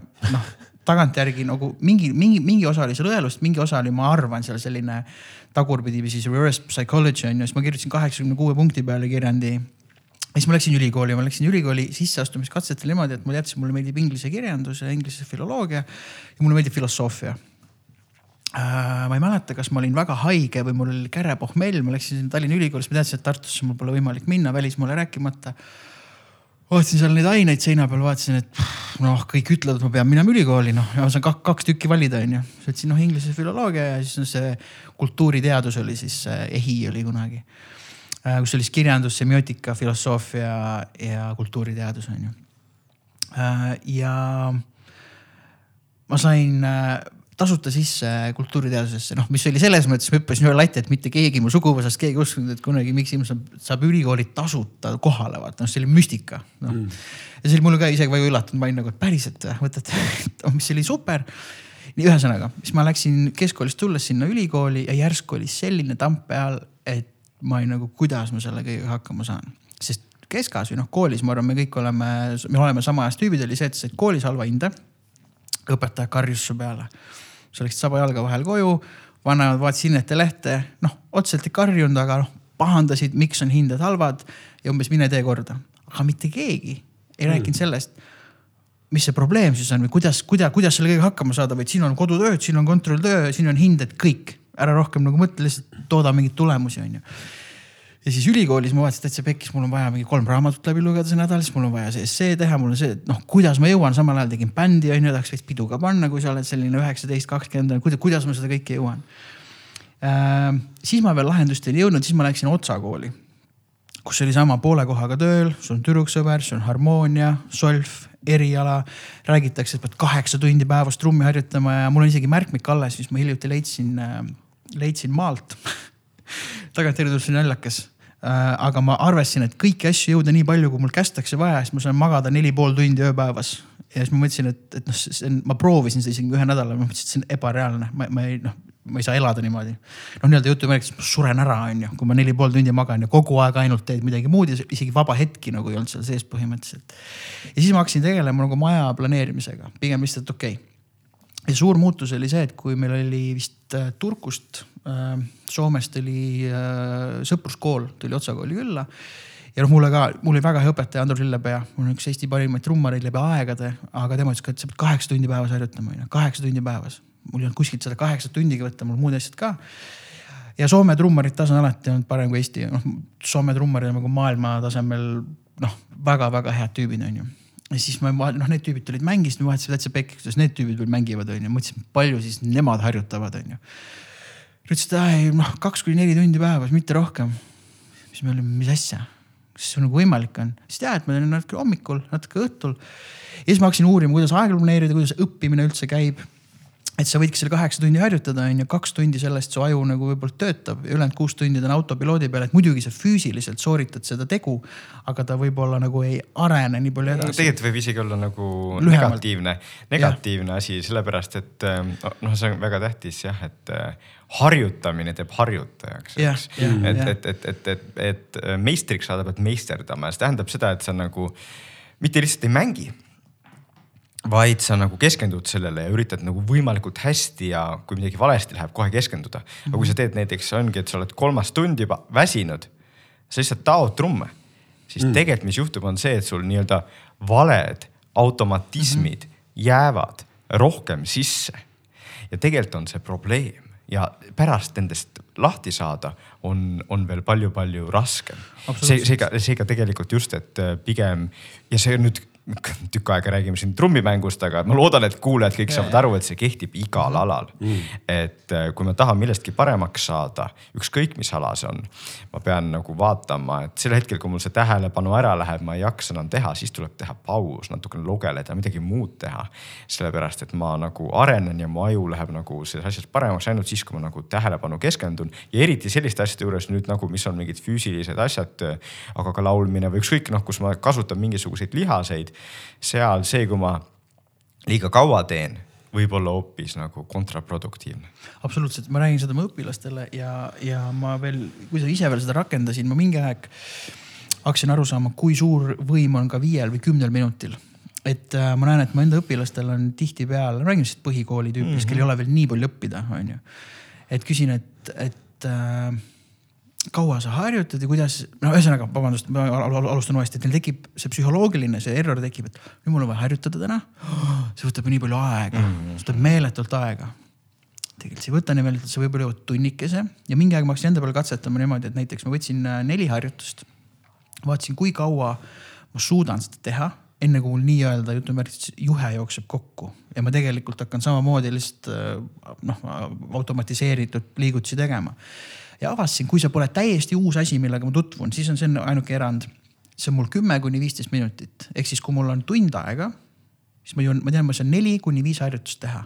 et ma keskendun täielikult kümme kuni viisteist minutit ühele asjale, siis ma võtan järgmise harjutuse. ja ma saan nagu ringi peale, kui ma tahan veel harjutada.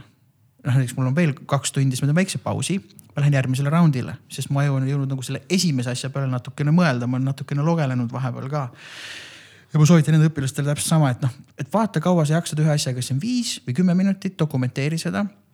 ja siis sa järsku avastad, et ka see dopamiin või see mõnutunne, et äkki sul mõni päev on ainult kakskümmend minutit. siis on, aga ma jõudsin kahekümne minutiga teha kolm harjutust.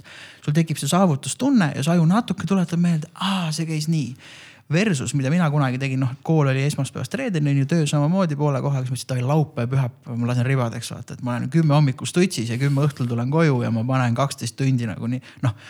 selle lõpuks võib olla vastupidine efekt ja sulle ei meeldi see tegevus võib-olla pärast enam nii palju, sa vihkad seda, sellepärast et sa oled nii üleküllastunud sellest. ja siis kaob see maagia, et oh, seda on ju kihvt teha, nagu kaob ära, et kas, kas ma olen põhimõtteliselt õigel, õigel rajal ja ilmselgelt jah, et noh, et me peame igaüks natukene doseerima õigesti seda muidugi, et mis see meie ajad on ja nii. aga me ei taha jah, nagu mingit asja liiga pikalt teha, et sel hetkel, kui meil tekib see tülgastus ja see on noh, me teeme asja, mis tegelikult me tahame nagu, milles me tahame paremaks saada. kui meil tekib see tülgastus, siis tuleb ikka pigem nagu logeleda, pigem nagu äh, vabaks vabaks lasta ja mitte selle asjaga tegeleda, et muidu meie aju nagu harjub ära ka sellega, et see tegevus võib olla vastik ja seda ja. me ei taha, et äh, noh, et ma ei ütle kindlasti, et me peaks nüüd iga kord tegema ainult näiteks viieminutilisi sutsakaid mm. -hmm. ikka vahel on see hetk, kus sa oled maganud hästi, söönud hästi ja suudadki nagu ka tund aega või kaks tundi tegeleda. noh, et me peame siis ka seda hoidma, aga just, et pigem nagu me üritame ise aru saada, et kas ma olen praegu heas vormis ja, ja siis nagu, kui ma olen, et siis ma nagu kasutan seda aega just nagu oma aju arendamiseks, ilmselgelt nagu õpilastel, neil on vaja ka koolitööd teha ja nii. aga kui me nagu oleme oma aja peremehed, et siis me tõesti sellel nii-öelda tippajal teeme nagu seda, mis on meie jaoks nagu kõige tähtsam jah, see aja planeerimine just, et noh, ma tihtipeale küsin nende põhikooli eellikult, et kuidas see päev nagu on üldse, noh huvi pärast mm -hmm. ajad on muutunud ja kool on natuke, ma eeldan, muutunud. et mina õppisin hullult kaua ma ei tea, ma olen võib-olla natuke aeglane ka onju, aga ma tõesti õppisin äh, põhikooli keskel õppisin, ma arvan, kaheteistkümne õhtul mitte mingi, ma käin kuskil trennis, ma vahel käin bändiproovi, aga õppisin hästi kaua. muidugi hästi korraks tulles tagasi alguse juurde, mäletan, et illegaalne allalaadimine oli just saanud hoo sisse nagu Napsteri asjad, et ma mingi aeg hakkasin muusikat kuulama seal õppimise kõrvale, see tõenäoliselt võttis, tegi seda perioodi natuke pikemaks. aga praegu tüübid, ma küsin, noh küsisin keskmist päeva põhikooli õpilastelt, kindlasti see koolist nagu sõltub, onju. Nad ütlesid, et jõuavad kell kolm koju, kaks-kolm jõuavad koju, noh, võib-olla neli, kes elab kaugemal. siis nad söövad, siis ma küsin, kaua teil nagu kodutööde peale läheb, ütles, et ah, viisteist minutit kuni nelikümmend minutit ma olin nagu vau wow., noh wow. mul läks mingi kolm, kolm-neli tundi. küll saaks ikka heaks trummariks nii, kui oleks nii palju aega. ja siis ma küsisin, okei okay,, et mis kell magama lähete, no kümme umbes on ju, ma ütlesin okei okay,, väga hea. aga mis te siis kuuest kümneni teete või viiest kümneni? no ma ei tea, veits loen ja veits olen arvutis ja vaatan telkut, siis ma, aga küsin, aga trummi ei, ei jõudnud harjutada.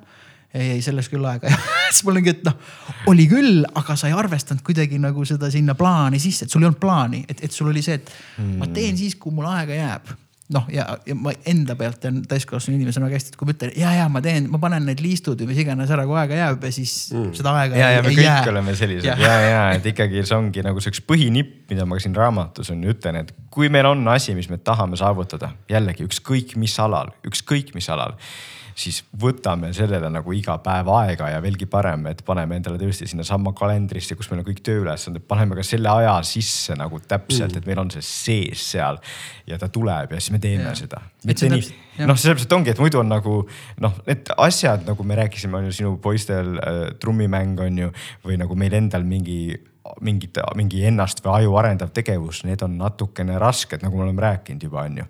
ja siis aju on selline nagu super laisk ja super hea mhm. manipulaator, kes tuleb hakkas jalati selle mõttega, et no ja, aga tegelikult praegu ikka ei ole see hea aeg ja mm. seda võib vahet minna homme ka teha seda ja siis homme on täpselt sama asi ja noh. no ja see on, see on geniaalne, noh, ma ütlen, ma räägin enda lõpust täpselt sama, et ma toon veel kiire näite, ma näen, Killal on hästi palju küsimusi, aga, aga et see näiteks väga hea näide on äh, ma arvan, mis kehtib absoluutselt kõigil elus, ükskõik mille kohta, ma toon jälle trummimängu kohta näite, aga näiteks trummimängu õpetuses sa pead valjult, valju häälega kaasa lugema, noh, kas näiteks üks, kaks, kolm, neli või üks ja kaks ja kolm ja neli ja et sa saad aru näiteks, et seal kahe peal on mingi trumm, mingi löök, on ju. ja kui sa loed mõttes kaasa nagu vaikselt siis eks enda nagu sisekõrvas või oma ajus mm..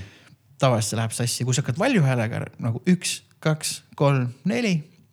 sa tuleb, pigem tuleb välja mm., on ju. sest meie aju on lihtsalt tahab valetada, et seal mõttes ta on noh, kahe peale läinud suva mm.. paneme siis kolme, noh, et, et, et sa ei, sa ei isegi aru, et mul on äh, parima sõbra Hando Jaksiga on äh, meil selline, see tuleb Louis CK stand-up'ist, ma olen siin podcast'e rääkinud, aga ma räägin veel, see on umbes sama, et lähed sõbraga tülli. kasvõi mingi väikse asja pärast. ja mõtled, mis esimene reaktsioon meil on, hakkad kohe ennast õigustama, et ei kurat, mul on õigus ja mis iganes, aga kui sa lähed nüüd peegli ette ütled, et vaatad nagu endale silma, ütled, et valju häälega, et. kuule, ma nüüd tegin niimoodi, juhtus niimoodi, siis tihtipeale see vastus võib olla jah, vist peaks helistama, vabandama, et tegelikult, sest see hääle mõju, kui sa ütled välja või sa kuuled seda ise see mm. paneb kuidagi paika selle rohkem, sest enda peas aju on ja, ja lükkame selle sinna tolmu vaiba alla, vaata. no näed, sa, sa räägid, et sa ei ole veel teadlane, aga tegelikult juba täitsa sa, tundub, et sa inimmõistusest tead rohkem kui nagu enamik teadlasi, kes selle alaga tegelevad. see oli huvitav sinu raamatut lugedes, äh, kui ma kolmveerandi peale jõudsin, ma kuidagi, oligi see nii palju nõustumismomente, siis ma mõtlesin, et sina oled seda teaduslikult õppinud, mina olen lihtsalt üheksateist aastat, no mitte ainult lastega, aga täiskasvanud, ma olen lihtsalt õpetanud ja õppinud nagu neid käitumismustreid ja reageerimismustreid nagu õppima, siis vaatasin, et oh, ma pole üldse nii valel teel, vaid ma olen, oh täpselt nii, et mul on täpselt nii, et oh, mul on täpselt nii, et sa kuidagi väga hästi valideerisid kuidagi mingit mingisuguseid äh, pidepunkte, kuhu ma ise olen jõudnud. ja, ja ma usun, et paljudel inimestel, kes seda loevad, seal ongi nii palju asju, mis sa nagu mõtled, aa tegelikult ma juba teen või tegelikult ma olen mõelnud selle peale mm.. aga nagu inimesed nagu noh, nad ei ole julgenud seda, kas nagu põhjalikumalt rakendada või nad ei ole julgenud seda teistele rääkida, siis mõtled, et see on mingi minu enda kiiks või mis asi. ja ma loodan, et see raamat nagu aitab sellele kaasa, et inimesed nagu laiemalt mõtlevad, et aa, see ongi normaalne tegelikult, et ma nagu otsin enda huvisid, et ma tegelen oma huvidega, et ma olen sel ajal nagu levist väljas. see on normaalne, et ma oma lapsele ka otsin nagu mingeid hobiasju, mitte ei anna talle lihtsalt nutiseadet, et ma ei ole halb vanem ja nii edasi, et noh, kõik need asjad, et. et ma usun, et paljud inimesed on ühte või teist asja mõelnud ja ma loodan, et see raamat nagu julgustab nagu seda laiemalt tegema ja ette võtma nojah, see on see tagasiside, mida me kõik vajame, et noh, tegelikult mis see on, see on ju ei ole mitte midagi muud, kui me peakski iga päev no täpselt kasvõi tunnikene lihtsalt tegelema iseenda mõistmisega, on ju et. Äh, jah, või noh, et iga noh, mõni päev tund aega võib-olla ei jõua, aga pool tundi või noh, et sul on ja. nagu mingi, mingi selline asi, kus on nagu jah, et meil on argipäev, jah, meil on lapsed, jah, meil on töö aga et me mõtleme ka, et kuidas nagu mingit oma asja teha või kes ma olen või mida ma tahan teha või äh, mida ma võiks uut õppida. noh, ja selle läbi ju saad ju teada, miks ma võib-olla kas lastele niimoodi õpetan midagi või räägin või, või ei tea või noh, jälle see teadlikkuse asi on ju jälle sihuke noh, peegel või nii annad ju edasi, elad ju koos nende inimestega, et äh, saada neid vastuseid. aga tahtsin tulla selle juurde, et äh, räägid raamatus ka, aga võiks veel rääkida sellest eh, neuroplastiitsusest, mis meil ajus on, eks ole. et jällegi, et kui eh, tuleb inimene, küsib, et eh, Jaan, Jaan, Jaan, et ikkagi see neuroplastiitsus, et, et mis see on ja mis see nagu tähendab just selle läbi, kui me üritame endas mingeid muutusi ja arusaamu luua. no mis kõige tähtsam asi ongi, et eesti keeles võib öelda, et aju muutub. jah, et selles suhtes, et meie ajurakud ähm, noh, kuidas ma nüüd seda siin niimoodi läbi, läbi sellise meediumi selgitan, muidu ma kasutan näiteks oma käsi või selle näitan, et kuidas ajurakud nagu muudavad oma kuju on ju, aga kujutage ette, et teil on justkui mingisugused sellised väiksed puukesed seal ajus, mis nagu, mille võrad liiguvad ja üritavad üksteisega nagu ühendusi luua, eks. et aju kogu aeg muutub. ja see muuhulgas tähendab näiteks, et meie praegu siin selles podcast'is muudame teie aju. palume kõigilt kuulajatelt vabandust, aga nii see on, et meie aju nagu, kui midagi õpime, siis meil ei ole lihtsalt, me ei lae mingit programmi alla või me ei pane mingeid asju mingisse kausta, vaid reaalselt nagu aju struktuur, see, milline aju on, muutub.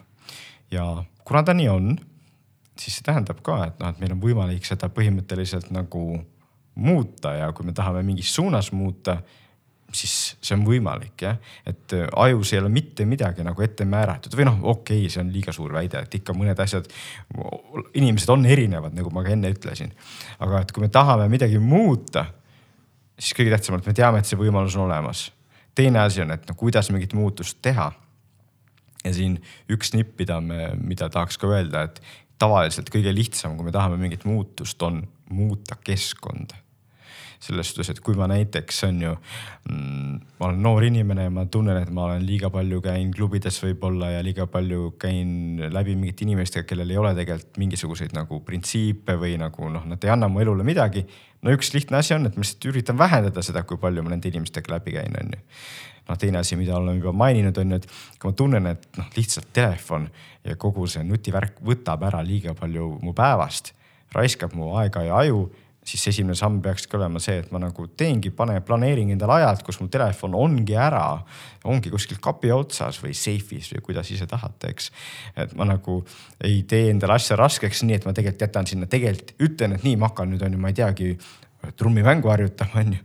Äh, ma loodan, et paljud kuulajad tegelikult hakkavad trummimängu mängima, harjutama pärast kogu seda. ja ostavad sinu raamatu kõigepealt või ei, või trummikomplekti pigem onju, aga kaheksakümne kaheksa euro eest. jah, ja sinu raamat on soodsam selles mõttes. soodsam, soodsam, aga tagasi tulles põhiteema juurde jah, et, et, et, et mitte nii, et inimene mõtleb, okei okay,, ja, ja ma kuulan ja hakkan oma hobi tegema, tegelikult jätab sinna telefoni ikkagi laua peale, tegelikult jätab ikka hääle sisse noh, siis ilmselgelt midagi ei tule välja sellest enesearengust, sest ikkagi see telefon ja kõik see võidab, on ju, et me pigem nagu, kui me tahame oma aju plastilisust kasutada, siis noh, me peame teadlikud olema sellest, aga teiseks teeme oma keskkonda paremaks, jah, muudame seda, kellega me läbi käime ja paneme selle telefoni nagu reaalselt ka eemale tunniks ajaks nagu mm. -hmm. ja siis suva, kui nagu siis ei tule seal päeval nagu mingisuguseid super häid mõtteid, aga vähemalt sa oled olnud siis tund aega nagu telefoni vabalt ja aju on nagu saanud natukene ähm, teistmoodi sisendit, nii et kõige tähtsam selle kõige juures on, et me kõik saame seda kasutada ja need nipid nagu äh, ongi nagu lihtsalt selles, et ma, et ma loon endale keskkonna, mis viib mind selles suunas, kuhu ma tahan minna. ja kui ma ongi, et ma tahan ettevõtjaks saada, tegelikult tahaks hullult lahe oleks midagi nagu mingit, mingi uue firma ideega välja tulla, no siis tuleb hakata selle kohta uurima. On ju, et sa reaalselt sa aju plastilisust kasutad ära selles suhtes, et sa nagu uurid selle teema kohta, sa süvened sellesse teemasse ja sa tead, et see lähebki aega. aga nagu siin juba läbi on käinud, on ju, et embrace the suck, et selles suhtes, et see, et tundub raske, natuke raske mm.. see ongi nagu ilmselt kõige parem indikaator sellest, et mu aju plastilisus praegu nagu mm. ragiseb ja et ma kasutan seda, et aju muutub ja noh, et see ongi nagu selline, selles suhtes hea tunne. see on ju veel see ka, et harjumuspärane käitumine, mis juba on meis sees, siis selleks ju aju ei vaja uut energiat ja see tundubki ja, ja. lihtne ja uus asi ongi no.. see on see, mis Jaan rääkis raamatus sellest äh, kus sa vist kirjutasid, et nagu meil on ajus need vaod, mis on sisse mm, küntud ja see tunne, kui aju ja, ragiseb, ongi ja. täpselt see, kus sul on see just, just, pead midagi uut, mingid uued rajad sisse looma sinna ja ilmselgelt, kui me isegi mõtleme sellele, eks, et mõtleme jälle nende puude peale, mis on omavahel ühenduses ja ajus on ju miljardid neid puid, mis on omavahel ühenduses siis selleks, et nagu midagi seal nagu neid ühendusi muuta ja nagu süstemaatiliselt luua sinna mingit uut käitumisharjumust. see vajabki aega ja mm. tööd ja mm,, ja, ja ongi raske. no kujuta ette, et sa lähed väljas, viskad lund, noh ei jõua ju viie minutiga teed puhtaks visata. just, et miks me arvaksime, et nagu enda mingi käitumise muutumine on lihtsam kui nagu just. lume viskamine. ühega võttis kaks tundi, teisega võtab kaks nädalat, kaks kuud, kaks aastat, kakskümmend aastat, eks. just, just ja väga õige asi oli ka, mis sa ütlesid, et noh, et ongi, et see ongi suurte või täiskasvanud inimeste oht, et meil on juba ju kõik nagu olemas, on ju, meil on, meil on töö, meil on nagu kõik käe-jala juures äh, olemas ja siis. et põhimõtteliselt me nagu ei peagi aju kasutama selles suhtes terve päev, et nagu see toit lauale tuua ja siis õhtul vaatame veel telekat ja oleme seal telefonis. noh, me, me ei kasuta, me ei kasuta ja. nagu seda potentsiaali, mis meil tegelikult on ja võib-olla nagu ma ütlesin ka, et suurte inimeste puhul, no mis see väike kiilakas ajuteadlane ikka öelda saab, onju. Mhm. aga mu mõte on, et laste puhul, et me, meil ole, ma arvan, et kõigil, kõigil kuulajatel on selge, et meil oleks ju kahju, kui lapsed oma potentsiaali isegi ei avasta mm., on ju. Ja me kõik tahaksime, et nad, et nad nagu seda teeksid. ja alguses tuleb see väga palju vanematelt, et, et mille, millega, mis, mis elustiili vanemad elavad ja mõtlevad ja teevad, eks, et. noh, tea, oleme ise lapsed olnud, teame ka, on ju, et mm.. tead, küsiks veel sihukest asja, teema, millest räägitakse, aga tundub, et nagu kas paljud ei tea või palju ei räägita, et, et, et et, et Jaan, Jaan, Jaan tuleb ja keegi küsib, et, et jah, et, et kas on olemas sihuke asi nagu ajukeemia on ju, teame, et oleme, et et, et kuidas me nagu sellest ja noh, ma arvan, et võib-olla see, et, et kuidas see nagu tasakaalus on ja miks see tasakaalust inimestel võib-olla välja läheb ja kõik need ühendid nii-öelda noh, me ei ole teadlik, noh selle läbi ma saan aru, pannakse päris palju vaimseid diagnoose ka inimestele, et ajukeemia ei ole tasakaalus või kuidas. jah, ja et noh, ühesõnaga meie ajus jah, et rääkisime nendest puudest on ju, et kujutage ette puid, aga nüüd sinna puudele nagu valatakse peale igasugu erinevaid nagu neid aineid ka, mis siis on äh, neuromodulaatorid dopamiin on meil siin läbi käinud, eks dopamiin, dopamiinilaks tähendab see, et me tunneme järsku, et me oleme, meil on energiat, me tahame teha, see on lahe, see on hea ja noh, et kui te nagu olete telefonis ja nagu seal rullite, siis ka iga, iga see uus video või see, et oh, see on äge. Ähm, see toob siis väikese dopamiinilaksu. aga siis on meil ka teised sellised keemilised ained ja tõesti osa, osasid neist on seotud nagu erinevate vaimsete häiretega ja võib-olla siis kõige tuntum nendest ideedest ongi see, et depressiooni puhul on inimesel siis serotoniin ajus tasakaalust väljas, seetõttu antidepressandid äh, tavaliselt siis nagu mõjutavadki serotoniini süsteemi ja seda, et serotoniini oleks rohkem ajus mm.. aga on väga tähtis aru saada, et nagu ma enne olen juba mitu korda öelnud, me ei saa täpselt aru kõikidest asjadest, mis ajus toimub, eks. ja sa, pean tunnistama, et ega depressiooni puhul me ka täpselt ei tea ja tegelikult on tänapäeval nüüd palju neid teadlasi, kes on ka väga skeptilised selle idee suhtes, et depressioon on lihtsalt nagu see ähm, tasakaalust väljas olek. kui ta oleks nii kui ta oleks nii, et depressioon on lihtsalt serotoniini tasakaalust väljas olek, siis peaks olema nii, et ükskõik, kellel on depressioon, kui talle anda seda kemikaali, mis, mis tõstab nagu serotoniini taset ajus, ta läheb paremaks. aga fakt, mida me oleme kogunud ja teame juba mitukümmend aastat, on see, et äh, mitte kõigil, kes võtavad antidepressante, ei lähe paremaks äh,. on need, kelle puhul antidepressandid ei aita ja see on ilmselge nagu näide sellest, et seal peab midagi keerukamat olema. ja me peame seda teistmoodi mõistma ja lühidalt on see ka põhjus, miks me peame nagu edasi aju uurima, et muidu me nagu lihtsalt äh, ei saa nendest asjadest äh, õigesti või täpselt aru. aga lühidalt, et jah, et ähm, me teame, et depressiooni puhul nagu antidepressandid mingil määral aitavad ja kahtlemata, kui inimesel, kuulajal või kellegi tuttaval on nagu depressioon, siis tuleb proovida neid aga nagu, et me teame, et nagu, et osati nad ei pruugi probleemi lahendada ja see on näide sellest, et seal on tegelikult midagi teistmoodi ka ja midagi võib-olla huvitavamat ja kahtlemata midagi keerukamat. sest teadus on ju, kas äh, proovin kuidagi kompaktselt sõnastada, et mingi teooria nagu viimane ja kõige parem tõestus mida on suudetud tõestada kuidagi, see ei tähenda, et see on lõplik tõde no, no, et võib tulla keegi, kes nagu leiabki selle, midagi ju teadlased tegevad uurimisega, eks ole, et sa leiad mm., ahah, aga hoopis on nii. Ja siis sa suudad seda tõestada ja kui keegi teeb, eks ole, katse okei okay,, ma saan aru, et ajuteadus ja see on palju keerukam, sest siin on, meil on psüühika ja, ja, ja muud asjad, mida, mis ei ole alati mõõdetavad, eks ole. suht keerukas. aga kui me räägime noh, võib-olla jah, ütleme praktilisemast teadusest, mis on käegakatsutavam, eks ole, kus sa saad reaalselt selle eksperimendi kuidagi, noh kõlab nii halvasti, kokku valada või, või no. kuidagi, või kuidagi tekitada, eks ole. aga jah, et see on, see on täiesti normaalne asi, et nagu ma enne ka ütlesin, et teadlane on inimkonna teadmiste piiri peal ja inimkonna teadmistel on alati piir, me oleme seda tohutult edasi liigutanud, on ju, viima, viimase saja aasta jooksul tohutult. aga ikkagi meil on teadmiste piir. nii et teadlase, õige teadlase ülesanne on kogu aeg nagu üritada edasi vaadata, et mida me veel täpselt ei tea. üritame paremini aru saada, teha eksperimente ja nagu noh, et eh, loodetavasti me saame nendest asjadest varsti nagu palju paremini veel aru no ja tegelikult, et see, et ütleme, et seda kemikaali süstida nii-öelda, noh, see ju leevendabki võib-olla mingil määral siis sümptomit, on ju, aga mitte nagu seda põhjust sisimas.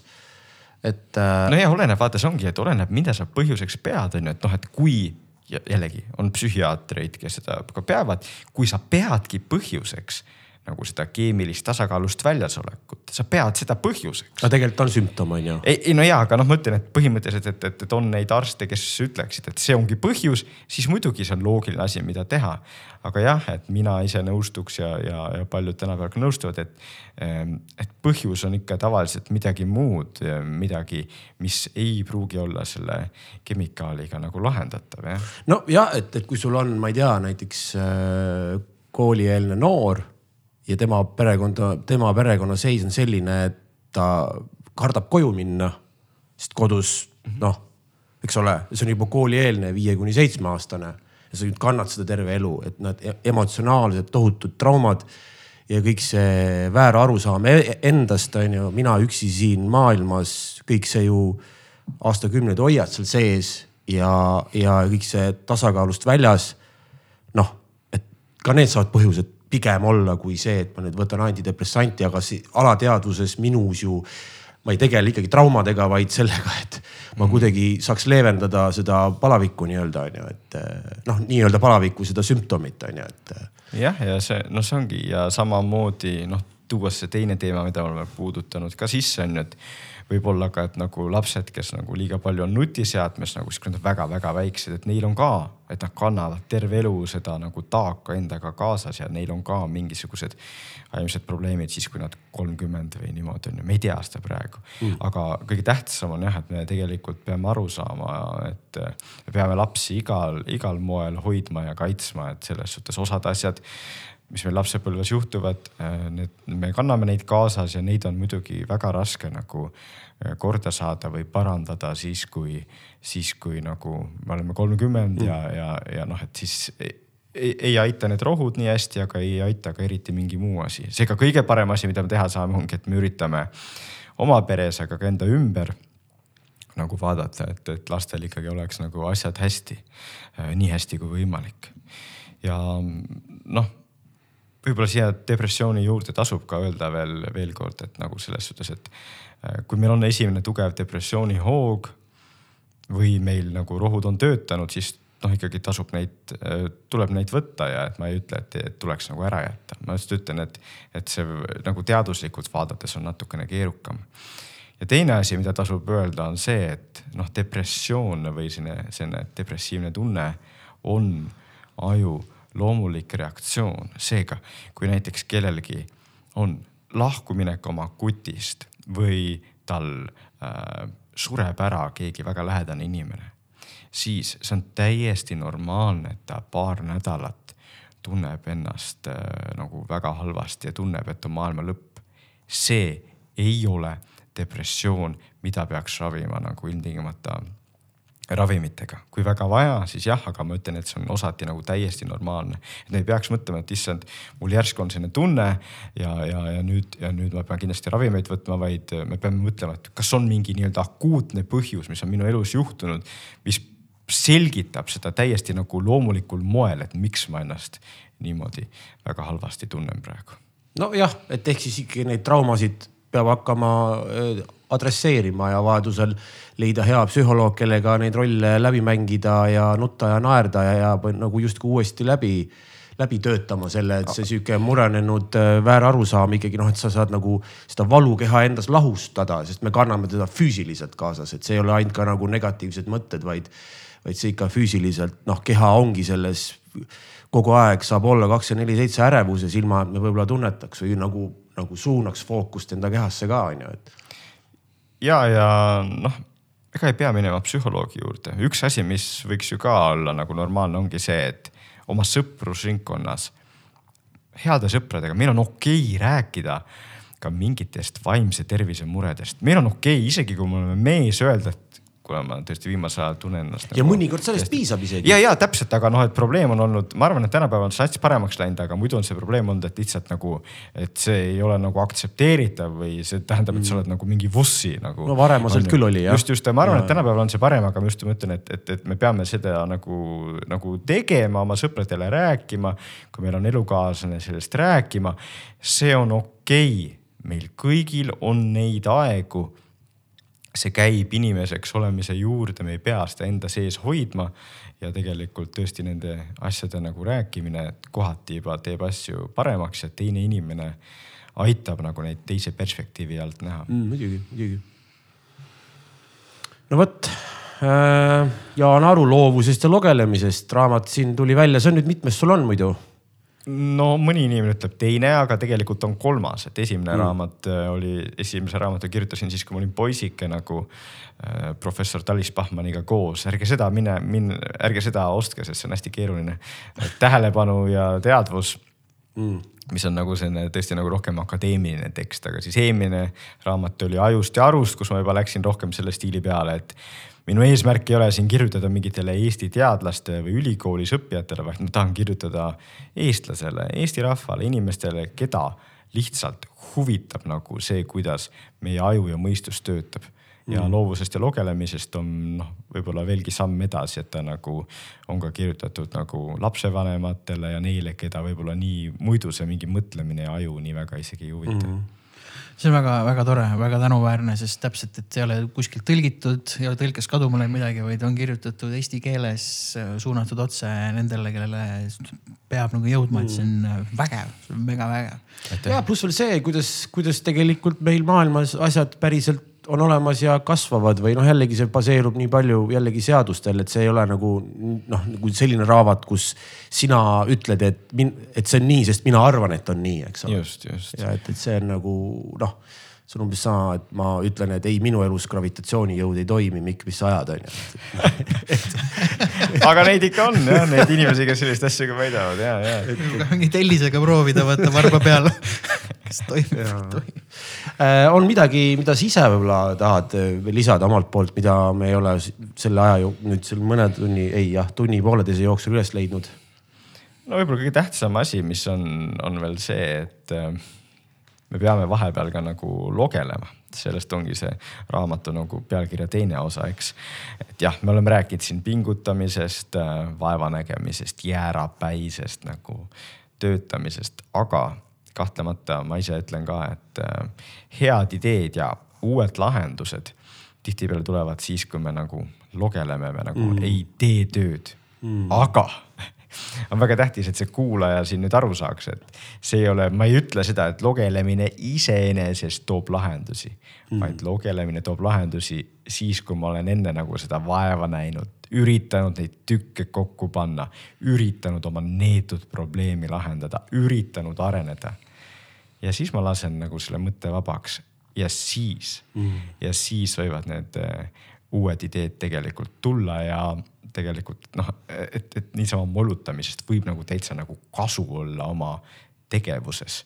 ja see on nagu super huvitav, eks, sellepärast et on nagu selline paradoks on ju, et sa nagu ja ei tee tööd justkui ja ülemus võiks ka vaadata, mis, kuule sa ei teegi tööd või abikaasa, vaata mm., mis kurat, sa niisama mollutad siin mm.. aga tegelikult sul võib see hea idee just sel hetkel nagu, nagu tulla ja me kõik teame seda, et noh, et üks hea idee on ikkagi väärt väga palju väga,, väga-väga palju tunde nagu mõttetut tööd ja mõttetut tegemist, nii et seda aega tuleb kõigil nagu võtta, et sul on, teed tööd, näed vaeva aga ka logeled mm. -hmm. ja, ja see just, just. Äh, võib mõni, mõni, see vaev võib manifesteeruda enda kogemuse põhjal kuid hiljem või et äh, ma toon veel ühe trummi näite, aga mäletan, kui mul koolis õppisin swingi mängima, see on üks väga spetsiifiline parema käe liigutus, mida õpetaja näitas mulle veebruaris ja noh, ma pusisin, pusisin ja mängisin äh, juuni alguses eksami ja sain A, eks ole, ja kõik, aga ma ei tundnud, et ma oskan swingi mängida. ma tundsin, et ma tegin eksami ära A-le ja kõik on nagu õige ja siis mm. ma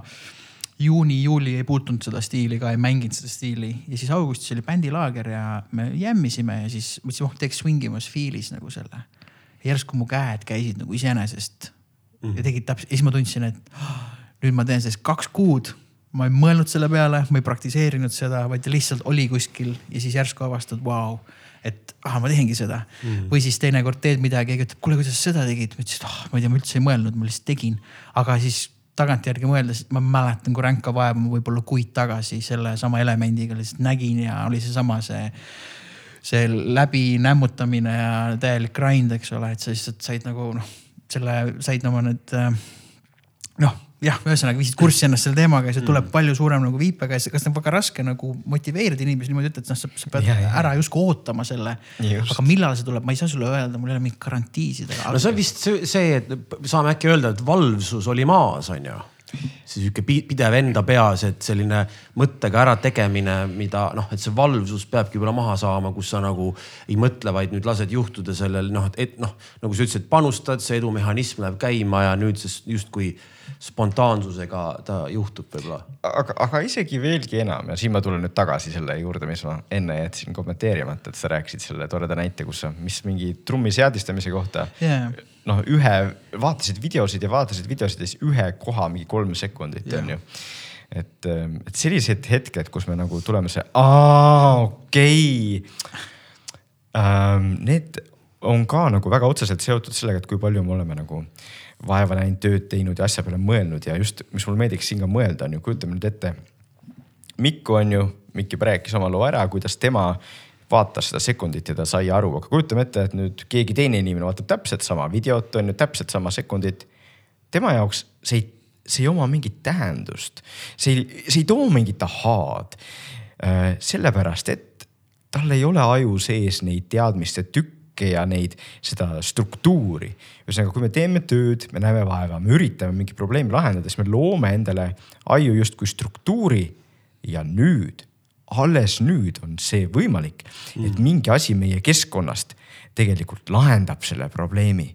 et mingi asi toob meile selle suure ja tähtsa nagu mõtte või lahenduse, nii et noh, me see ongi nagu iseendasse investeerimine ja oma aju nagu eelhäälestamine selleks, aga mm. nagu te ütlesite hästi ka, et ega noh, siis sa ei tea, noh, sul natukest õnne ka vaja, et sa sinna õigesse kohta satud, aga, aga see, et see õiges kohas nagu mingisugune seik sulle selle hea mõtte toob, vajab seda, et sa enne oled endale aiu selle struktuuri ehitanud. Mm.. nii et see vahel see iseendasse investeerimine ilmselt tundubki raske ja lahendused ei tule ja ilmselt üks põhisõnumeid tänasest on see, et teist teed ei ole, see on ainus tee ja noh, et äh, kunagi, kunagi see õnn ka teie õuele tuleb vast?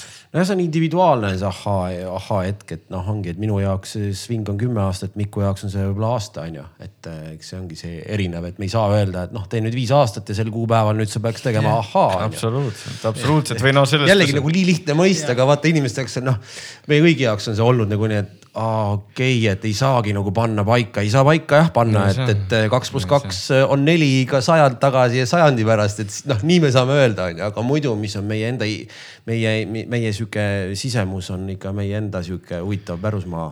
No just ja, ja just, et kui lugelemisest rääkida on ju, et ma soovitan ja et äh, käige duši all, käige saunas, on ju, jalutage ja ma, kui ma räägin näiteks mingites firmades sellest, siis ma ütlen ka, et noh, me tegelikult tahame, et meie töötajad, kellelt me tahame loovaid lahendusi või noh, jällegi mitte mingi kunstilisi, vaid nagu, et nad tulevad uute lahenduste peale. peame võimaldama seda, et nad nagu käivad vahepeal ka võib-olla töö ajal nagu jalutamas mm.. ja siis tähtis asi, mis nüüd haakub selle eelmise teemaga ongi, et aga muidugi ma ei saa garanteerida, et iga kord, kui see töötaja käib jalutamas, et ta iga kord tuleb siis super ideega, on ju. et see on osa sellest nagu investeeringust, ilma selleta ei saa mm, -hmm. aga see ei tähenda, et iga kord nagu tuleb mingi metsik lahendus, eks mul ka ei tule noh no ja vaata, see ongi nagu see, et ikkagi, ikkagi võtta, kui võtta lühidalt kokku nagu hästi-hästi üldistades ja antud hetkel seda saab isegi natukene üldistada, kuigi üldjuhul ei saa väga üldistada, alati on see, et kui keegi midagi ütleb, ma ütleks, küsiks vastu, et okei okay,, mis sa nagu öelda tahad, on ju, et see üldistamine. oota, mis sa öelda tahad nüüd? Just, et ikkagi see iseenda mõistmine ja keeruline on see, et kollektiivselt seda teha et ühiskonnas on seda väga keeruline teha. ettevõtted teevad seda, ma olen aru saanud, okei okay,, sul on kümme töötajat, kakskümmend võetakse ette, et tõstame iseenda nagu teadlikkust, et noh, logelemine võrdub meie jaoks võib-olla tohutult palju raha aasta lõpuks just sellepärast on ju. ja noh, samuti siin rääkisid haridussüsteemist, et, et tundub nagu, et et, et, et kas siis õpetajaid eh, kuidagi ei koolitata just tõsta seda teadlikkust, et, et, et anda siis lastele mõista, et see lootusetus on mingisuguse asja sümptom, on ju. et miks see nii on noh, kuigi ma saan aru, õpetajaid on palju, aga samas neid ei ole nüüd nii palju kui meie nagu rahvast, et tegelikult seda saaks ka ju kollektiivselt teha, et kuidas siis me inimesed funktsioneerume, eelkõige kui me hakkame midagi tegema, saabub see raske hetk, tahame püssi põõsasse visata, mis tegelikult on kõige olulisem hetk üldse on ju, see tähendab seda, et sa arened, nagu sa mainisid ka on ju. et, et, et, et kuidas me nüüd saame sellest kohast nagu üle, sest kui, kui, kui mina ei tea, siis ma nagu ei tea ja kui keegi mulle nagu ei näita ka, oletame, kui ma olen vahet ole, isegi kui vana sa võib-olla oled, on ju. et, et, et nüüd saada see vastus eelkõige teada, et, et, et, et kus ma olen ja, ja kuidas edasi ja miks ma nii tunnen ja kui sa oled veel noor. noh, mäletame väga hästi, siis me väga lihtne on see, et ma viskangi püssi põõsasse ja see on lootusetu ja ma võib-olla ei ole jälle piisav ja. aga nüüd ma ei saa ka seda kuskilt, et ei, ei, ei, sa, sa oled kõige paremas kohas üldse, on ju. ja võib-olla vanemad ka ei tea seda, eks ja no seetõttu me ju ka siin räägime sellest teemast ja loodame, et mõni kuulaja ka võtab endaga kaasa ja veelgi enam, et kui meie hulgas, kuulajate hulgas või meie hulgas on inimesi, kes lähevad näiteks vahel räägivad lastega, noortega, käivad koolides, siis kui te olete edukad ärge rääkige ainult oma edust mm, -hmm. vaid just pigem rääkige sellest, kui keerukas see on olnud, rääkige sellest, et äh, mis vaeva te olete näinud, mida te pidite tegema äh, keerukat, et sinna jõuda, kus te nüüd olete. ja öelge lastele, et on tähtis nagu õppida seda äh, nii-öelda jäärapäisust ja mitte allaandmist ja nagu selle vastiku olukorra tolereerimist, sest äh, ainult nii me jõuame kaugemale. et minu arust see on meie kõigi kätes nagu ühiskonnana, et me seda sõnumit nagu levitame oma, oma lastele edasi anname, üldiselt lastele edasi anname ja, ja see on ehk meie Eesti edu saladus. mina pakun, et koolides võiks olla, kas mitte just iga nädala või, või kuidagi võiks olla, kas õppimisõpetus või mingi, kuidas õppida kursus, et täpselt, et seletaks. näiteks sina võiks võib-olla minna korraks rääkima, kuidas mu aju töötab, kuidas õppimine käib, kuidas mm. üldse omandad uusi teadmisi. et noh, et, et see oleks selline, ütleme algkoolile, põhikoolile, keskkoolile kuidagi noh, tuletatakse mm. meelde, antakse mingisuguseid tööriistu, et kuule, vaata jah, et sul on siin viis kontrollööd on see nädal on ju, et, et äh, kuidas me saaks hakata võib-olla mitte päev ennem äh, sellega tegelema ja kuidas su aju nagu registreerib kogu seda infot, mis sa peaksid seal siis nagu selle hinde peale tegema, eks ole. et ma ise tagantjärgi mõtlen, et kui mul oleks neid mingeid natukenegi neid nõuandeid või teadmisi, mis mul on praegu olnud keskas, ma arvan, ma oleks palju oleks parem õpilane, ma arvan, oleks palju tervislikum noor inimene ja, olnud. noh, tõhusamalt oleks saanud, oleks saanud veel rohkem kõikest. ja ongi nagu see tundub mulle ka alati naljakas, et miks peab olema nii, et nagu inimene käib kaksteist aastat koolis, siis minu puhul läheb ülikooli ja siis ülikooli kuskil kolmandal kursusel on aa, tegelikult oleks pidanud niimoodi õppima, et mis, mis, mis selle asja mõte on nagu. selles suhtes, et õpetame parem lastele kohe ära, kuidas õppida nagu selles suhtes, see ei ole ju tõesti nagu me teame selle kohta nii palju mm. noh. no kasvuvalud lihtsalt, eks nii ongi järjest, loodetavasti tõuseb meil see sihuke kollektiivne arusaam sellest on ju, et eks me olime nagu noh vaata, kui noored me oleme olnud ka nagu riigina, eks. kus see, kus see info ja individuaalne mingi eneseareng, noh, alles nüüd on löönud, et me oleme ju tegelikult mm. väga noored, on ju, et mm.. et ei tohtinud ju infotki vahetada ja kõik käisid ja sosistasid, et naaber ei kuuleks, noh, et. ja, ja, ja noh, et ähm, see, seetõttu veel kord, et see on meie kõigi kätes nagu seda infot ka jagada ja, ja omavahel rääkida, lastele edastada, õpilastele edastada ja nii on mm. No vot, meil tundub, et vist natukene on aega, meil on sihuke, äh, meil on alati siuksed lõpu, äh, lõpu nagu kiired küsimused just sellepärast, et veenduda, et meie külalised on ka inimesed mitte esi... ainult superteadlased mitte ainult superteadlased. et mis on esimene asi, mis sa hommikul teed? tavaliselt ma kasutan seda ärkamise aega nii, et ma nagu kuulan, et kas on mõni uus mõte äkki? Et selles suhtes, et see on hästi-hästi kaval nipp, mida kõik saavad kasutada, et, et sa nagu noh, jällegi see toob, toob edu siis, kui sul on ka mingid küsimused, mida sa küsid, aga et sa ärkad üles, aju on natuke teises seisundis. ja siis nagu, kui vähegi aega on, et siis nagu mõtled natuke nende küsimuste peale, millega sa oled tegelenud. Mm.. nii et see on selline hea traditsioon mul. Mm.. lemmik jalanõu läbi aegade ma ei tea, ühed vanad Bugatti kingad, mis mul on juba vist kümme aastat või võib-olla mm. kaksteist või ma ei tea no.. prioriteedid on paigas, äh, raha läheb mujale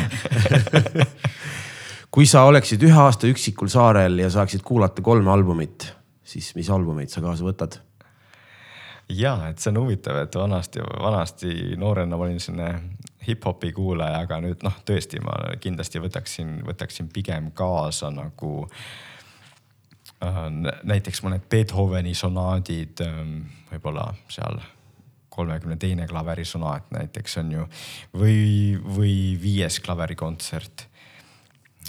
mis võiks, mis võiks veel olla äh, ja mis on väga head ja jällegi noh, ongi, et inimesed, kes klassikalist muusikat ei kuula, võib-olla, võib-olla mõtlevad, et mis mis selle asja mõte on, aga noh, mina, kui ma näiteks kuulan Brahmsi esimest ja teist klaverikontserti, siis need toovad mulle ka alati häid mõtteid mm.. ja, ja, ja mida ma tahan öelda, ongi, et see, et see, mis klassikalise muusika puhul mulle meeldib, on see, et kui seda kuulad, siis mõtled, et kurat, tüübid elasid mingi sadu aastaid tagasi, on ju. ja nende muusika on siiamaani relevantne, siiamaani tekitab mulle kananahka ihule. siiamaani justkui ta jõuab mingi tuumani mm. minu sees, eks. ja, ja seetõttu need plaadid äh, oleksid sellised kesksed ja, ja noh, kui midagi Eestist kaasa võtta, klassikalist muusikat, siis äh, noh, Arvo Pärt ka mm.. nimeta üks räpiplaat ka mis, mis on võib-olla kõige rohkem, kõige rohkem kõige rohkem minu enda elu muutnud hmm,, ma ei teagi, ma ei teagi. praegu ma võib-olla ei võtaks räpiplaati kaasa, aga noh, selles suhtes, et selge, et siis kui ma olin noorem, siis ikkagi see, mis, mis Jarek tegi, oli uskumatu ja välismaa poolt, siis äh, ma ise kuul, kuulasin sellist nagu muusikat või räppmuusikat, kus oli nagu rohkem äh, rõhku nagu sõnadel ja sellel hästi heal sellisel flow'l ja nagu mm. sellel, et sa hästi nagu kuulda, et inimesed on lüürikaga tegelenud, näiteks äh, Little Brother äh, oli üks bänd, kes ka Eestis käis ja see mm,, me, tegi, tegime, tegime soojendust neile, kui nad Eestis käisid. Mm.. Cool. Äh,, kui sul oleks supervõime, siis mis? Uh. Kind-Type on üks supervõime, iseendast aru saada ja mõtlengi, see on, see on üks, see on täitsa selline asi, see nii hea küsimus sellest, sest see võiks teha täitsa nagu sellise rahvaküsitluse, et küsida, mida inimesed, millist supervõimet nagu. sa pead mõtlema, onju. ja, ja sellepärast, et noh, mis üldse mis, mis te ise, millist supervõimet te võtaksite? ma pole mõelnudki selle peale. täpselt no,, küsite siin kogu aeg igat äh,. meil on huvitavaid vastuseid läbi käinud siin. meil on kõike käinud, aga üks mulle väga meeldis, oli Tõnis Savi oma, kes ütles, äh, et, et sihukest ühist arusaama või common sense'i suudaks ühiskonnas kontrollida, siis me oleks nagu palju paremad arusaajad, paremad liiklejad, palju paremad, noh, täpselt seesama, millest me räägime. et kujuta ette, et kui saaks nagu kollektiivselt niimoodi, et lihtsalt me läheme plõksti järgmisele platoole, vaata kõik on muutunud nagu. see, see on, see on tõesti väga hea ja ilmselgelt nagu äh, midagi taolist jah, et kui selline supervõime võiks, võiks olla, siis jah, et sa, et sa lihtsalt nagu on ju, me räägime siin, siin podcast'is ja mõni inimene kuulab, noh, vaevalt, et keegi praegu enam kuulab, mõtle, kui pikalt me rääkinud oleme. aga, aga et saaks nagu kõikide aiu ja teadvusesse selle põhilise idee, et kuulge äh, igaüks saab oma aju kasutada, igaüks saab oma elu paremaks teha, me peame lihtsalt nagu ähm, vaeva nägema, proovima ja mm., ja noh, kõik need teadmised, mis me täna oleme nagu rääkinud, et kui selle saaks ühe, ühe niimoodi nipsuga kõigi aiu, siis see oleks päris hea supervõime küll. no see oleks väga super. eriti veel, kui küsida endalt, et huvitav, miks ma nii käitun või miks ma nii tunnen, siis võid juba mm. kuhugi jõuda, onju. külm või kuum? pigem vist seal vahepeal, aga kui, aga, aga kui valida nagu väga külma või väga kuuma vahel, no siis loeb ka kui pikalt, aga pigem võib-olla väga külm ikka mm.. ikka Eesti, Eesti mm. inimene. pelmeenid või friikad pelmeenid mm.? hullem töö, mis sul olnud on? no eks mul selles suhtes, mul ei ole väga hullusid töid ei olegi olnud, aga, aga ma, kui ma siis äh, vahepeal läksin Berliini tagasi ajuteadust tegema, siis ma uurisin ka hiiri. no ja selleks, et hiiri uurida, pead sa nagu hiiri ka nagu rahulikult nagu noh, suutma nagu händeldada mm., aga selgub, et isegi mõned äh, nagu äh, meessoost täiskasvanud inimesed nagu kergelt kardavad hiiri, eriti kui nad sind esimesel korral kohe hammustavad. siis sa oled maha pilled ja siis nad kuskile kapi alla jooksevad ja siis kõrvalt teised vaatavad, et kuule, kuule, me oleme siin teaduslabor, mida sa teed? nii et see oli suhteliselt hull, ütleme nii mm.. Äh, mina alustan, sina lõpetad ükskord tuuri, ei, ükskord töö juures. no oligi hiir hammustas, see on ikka liiga värskelt meeles nagu. liiga värskelt. no vot, ma alati ärkan pigem vara. mm..